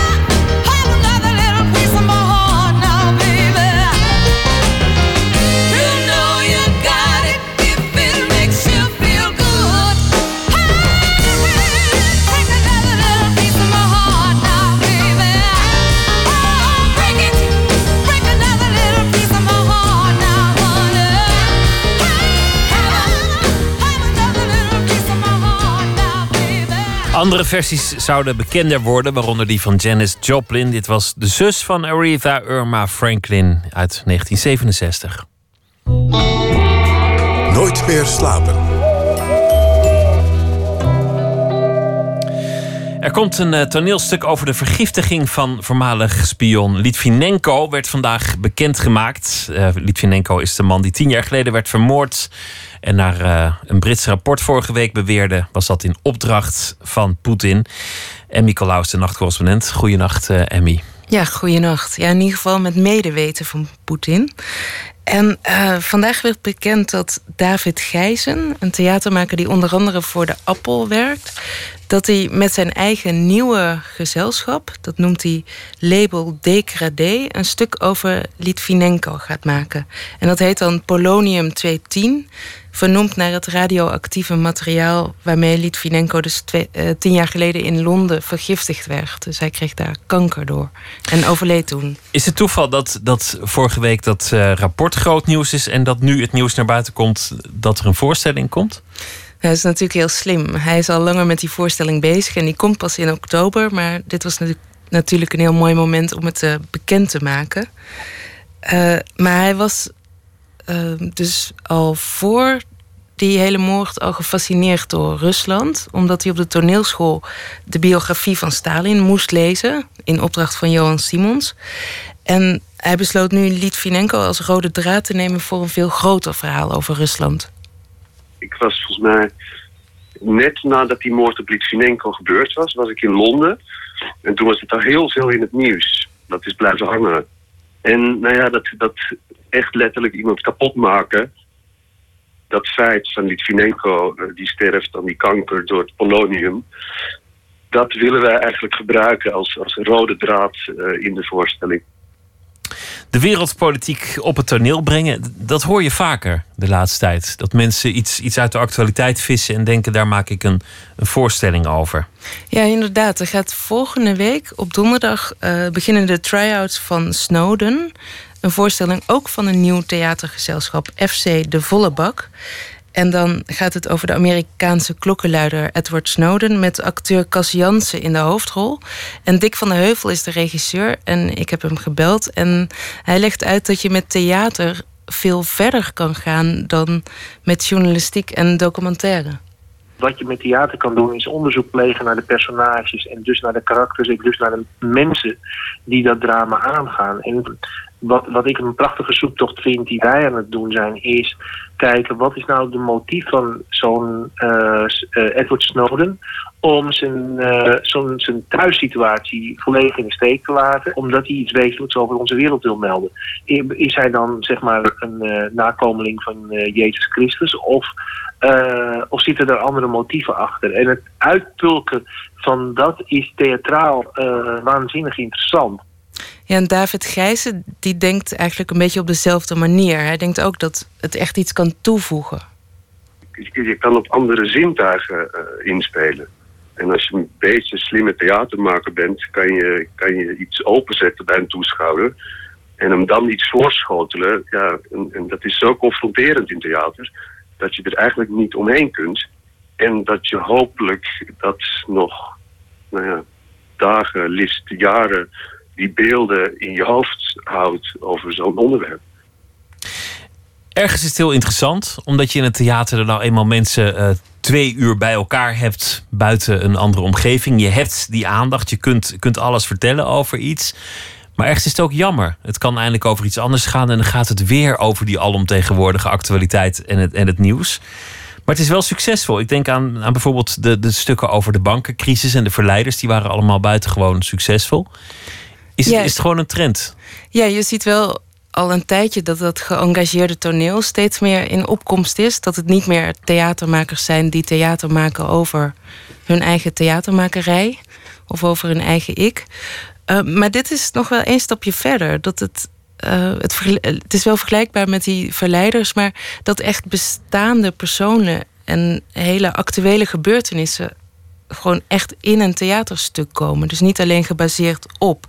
En ik dacht, ja, een trend, dat is altijd leuk om die op het spoor te komen. En Dick van der Heuvel is een beetje voorzichtig, maar je ziet wel een ontwikkeling. Ik denk wel, eerlijk gezegd dat we aan de vooravond staan van een lawine van voorstellingen die over onze samenleving zullen gaan. Ja, hij zegt dan wel van dit is een beetje koffiedik kijken. Maar ook David Gijzen, die ziet eigenlijk hetzelfde. Waar komt het vandaan, die ontwikkeling? Waarom? Ja, beide theatermakers die denken toch wel dat dat iets te maken heeft met de buitenwereld die zich nogal uh, dominant aan ons opdringt op dit moment. Ze noemen bijvoorbeeld allebei de vluchtelingencrisis. En Gijzen zegt dus dat het eigenlijk ook allemaal niet zo verwonderlijk is dat dit gebeurt. Nu is die urgentie ineens veel groter. Er is en in ons vak veel minder theater. Dus je moet echt iets maken wat zo op deze tijd aansluit. Je kan nu eigenlijk niet meer komen, vind ik, met, met, een, met een zeg of, of tenzij hem zo hedendaags bewerkt. Maar de urgentie om, om nou ja, elke dag je zet je tv aan. En ik zeg elke dag wel hardop. Dan zeg ik van jeetje, wat is er met de wereld aan de hand? Dus het dringt zich op, ja. Het dringt zich op, uh, ja, maar, maar het is ook, ook wel dat het lang geduurd heeft voor die trend opkwam op de een of andere manier. De, vroeger drong die wereld zich toch ook wel op? Ja, en in andere genres misschien ook wel, uh, meer dan in het theater. En dat zegt David Gijzen zelf ook wel. Die heeft wel degelijk, uh, of eigenlijk best wel stevige kritiek op zijn eigen beroepsgroep. En hij vindt het dus ook hoog tijd dat deze ontwikkeling doorzet. Ik vind het sowieso goed in de theaters dat dit gebeurt dat er met gewoon actuele onderwerpen uh, gewerkt wordt. En dat we minder, steeds minder dat soort ouderwetse repertoire toneel uh, krijgen. Omdat ik vind dat theater gewoon behoorlijk achter ligt op dit moment in de kunsten. Qua manier van denken, qua manier van presenteren. Dat het, dat het in de beeldende kunst en in de schilderkunst en in de muziek helemaal... dat die zo ver voor liggen op ons nu. Nou, dat ik het heel goed vind dat er nu een generatie komt die inderdaad weer een andere vorm van theater ontwikkeld om verder te kunnen komen in die kunst. De voorstelling eh, Snowden over Edward Snowden met Cas Jansen in de hoofdrol is te zien vanaf volgende week donderdag. En Polonium 210 van uh, Degradé wordt vanaf oktober op de planken gebracht. En dat is dan precies tien jaar na de dood van Litvinenko. En Nicolaou, dankjewel. Goeienacht. Dank je. Ze wordt eh, de Grand Dame genoemd van de Amerikaanse muziek Lucinda Williams. Voor haar nieuwe album haalde ze inspiratie uit Interstate 20, de weg die gedeeltelijk van Georgia naar Texas loopt. De titel van de plaat is The Ghost of Highway 20 en het nummer heet If My Love Could Kill.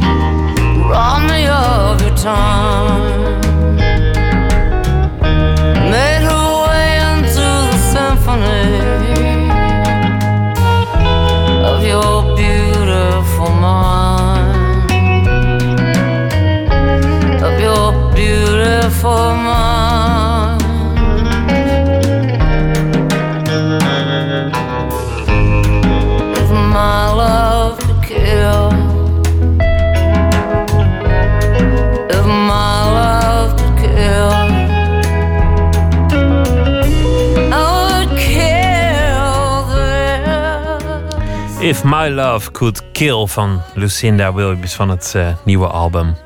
We sluiten af met een eh, gedicht van, eh, dat wordt voorgedragen door dichter en vertaler Jan Baken. Debuteerde zelf in 1997 met zijn bundel Nooit zonder de paarden. Onlangs nog verscheen zijn nieuwe bundel Seizoensroddel. En hij heeft vannacht gekozen voor een Chinees gedicht.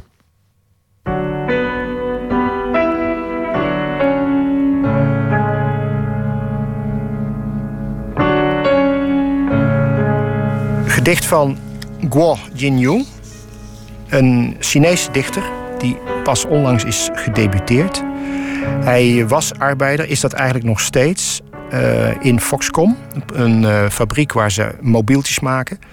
En um, het verhaal gaat dat hij vanaf de plek waar hij werkt zicht had op een gedicht dat opgehangen was aan de muur tegenover de, machine waar hij uh, aan stond te werken. En dat zag hij iedere dag, iedere dag opnieuw. En dat heeft hem geïnspireerd om uh, zelf te gaan uh, dichten. En het gaat ook over een man die als werk heeft, wat Guo Jinyu zelf ook heeft moeten doen, om netten vast te maken aan een paar hoge flats van die fabriek, omdat er veel mensen zijn die na verloop van tijd van die flat naar beneden wilden springen. En dit zijn netten die opgehangen worden op de dertiende verdieping om zelfmoorden tegen te gaan. Op papier terug naar huis. Een jongen telt kort voor dageraad van de eerste tot de dertiende verdieping. Als hij klaar is met tellen, staat hij op het dak. Hij. Vlieg, vlieg.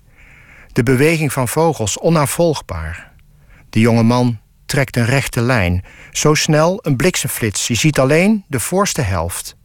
De aarde, groter dan het stadje Longwa, komt hem tegemoet. Snelheid leidt de jongen weg. Rijst leidt het kleine wit weg. Moeders tranen springen van de rand van dakpannen. Dit is de dertiende sprong in een half jaar. Die eerdere twaalf, stof, net neergedaald. De herfstwind wiegt moeders rietpluimen nachtenlang. Zijn witte as, brooswit, keert per trein terug naar huis. Zonder aandacht voor het rijstwit, het rietpluimwit, moederswit, rijpwit. Het enorme wit begraaft het minuscule wit, net zoals moeder haar dochter begroef. Op de dertiende verdieping wordt een net tegen zelfmoord vastgemaakt. Mijn werk om het loon van één dag te krijgen. Uit alle macht draai ik, met de klok mee, beetje bij beetje, een schroef vast. Hij stribbelt stiekem tegen, protesteert. Hoe meer kracht ik zet, hoe gevaarlijker. Rijst, vissengeurlippen, een kuiltje met twee druppels dauw. Ze is nog steeds bezorgd. Herfstkleren worden iedere dag minder. Mijn vriend, die op papier terug naar huis is gekeerd, behalve reist, jouw verloofde, zijn er maar weinig mensen die nog weten dat jij in kamer 701 van dit gebouw ooit een bed hebt gehad. Dongguang rijstnoedels hebt gegeten. Morgen zal Jan Baken een ander gedicht uh, voordragen en uh, uitkiezen. En morgen komt ook uh, langs David Verbeek, filmregisseur. Hij heeft een nieuwe film die in première gaat in Rotterdam op het filmfestival met de titel Full Contact. En beeldend kunstenaar Erik van Lieshout komt ook op bezoek morgen in Nooit meer slapen. Voor nu een hele goede nacht, morgen een leuke dag en graag weer tot dan.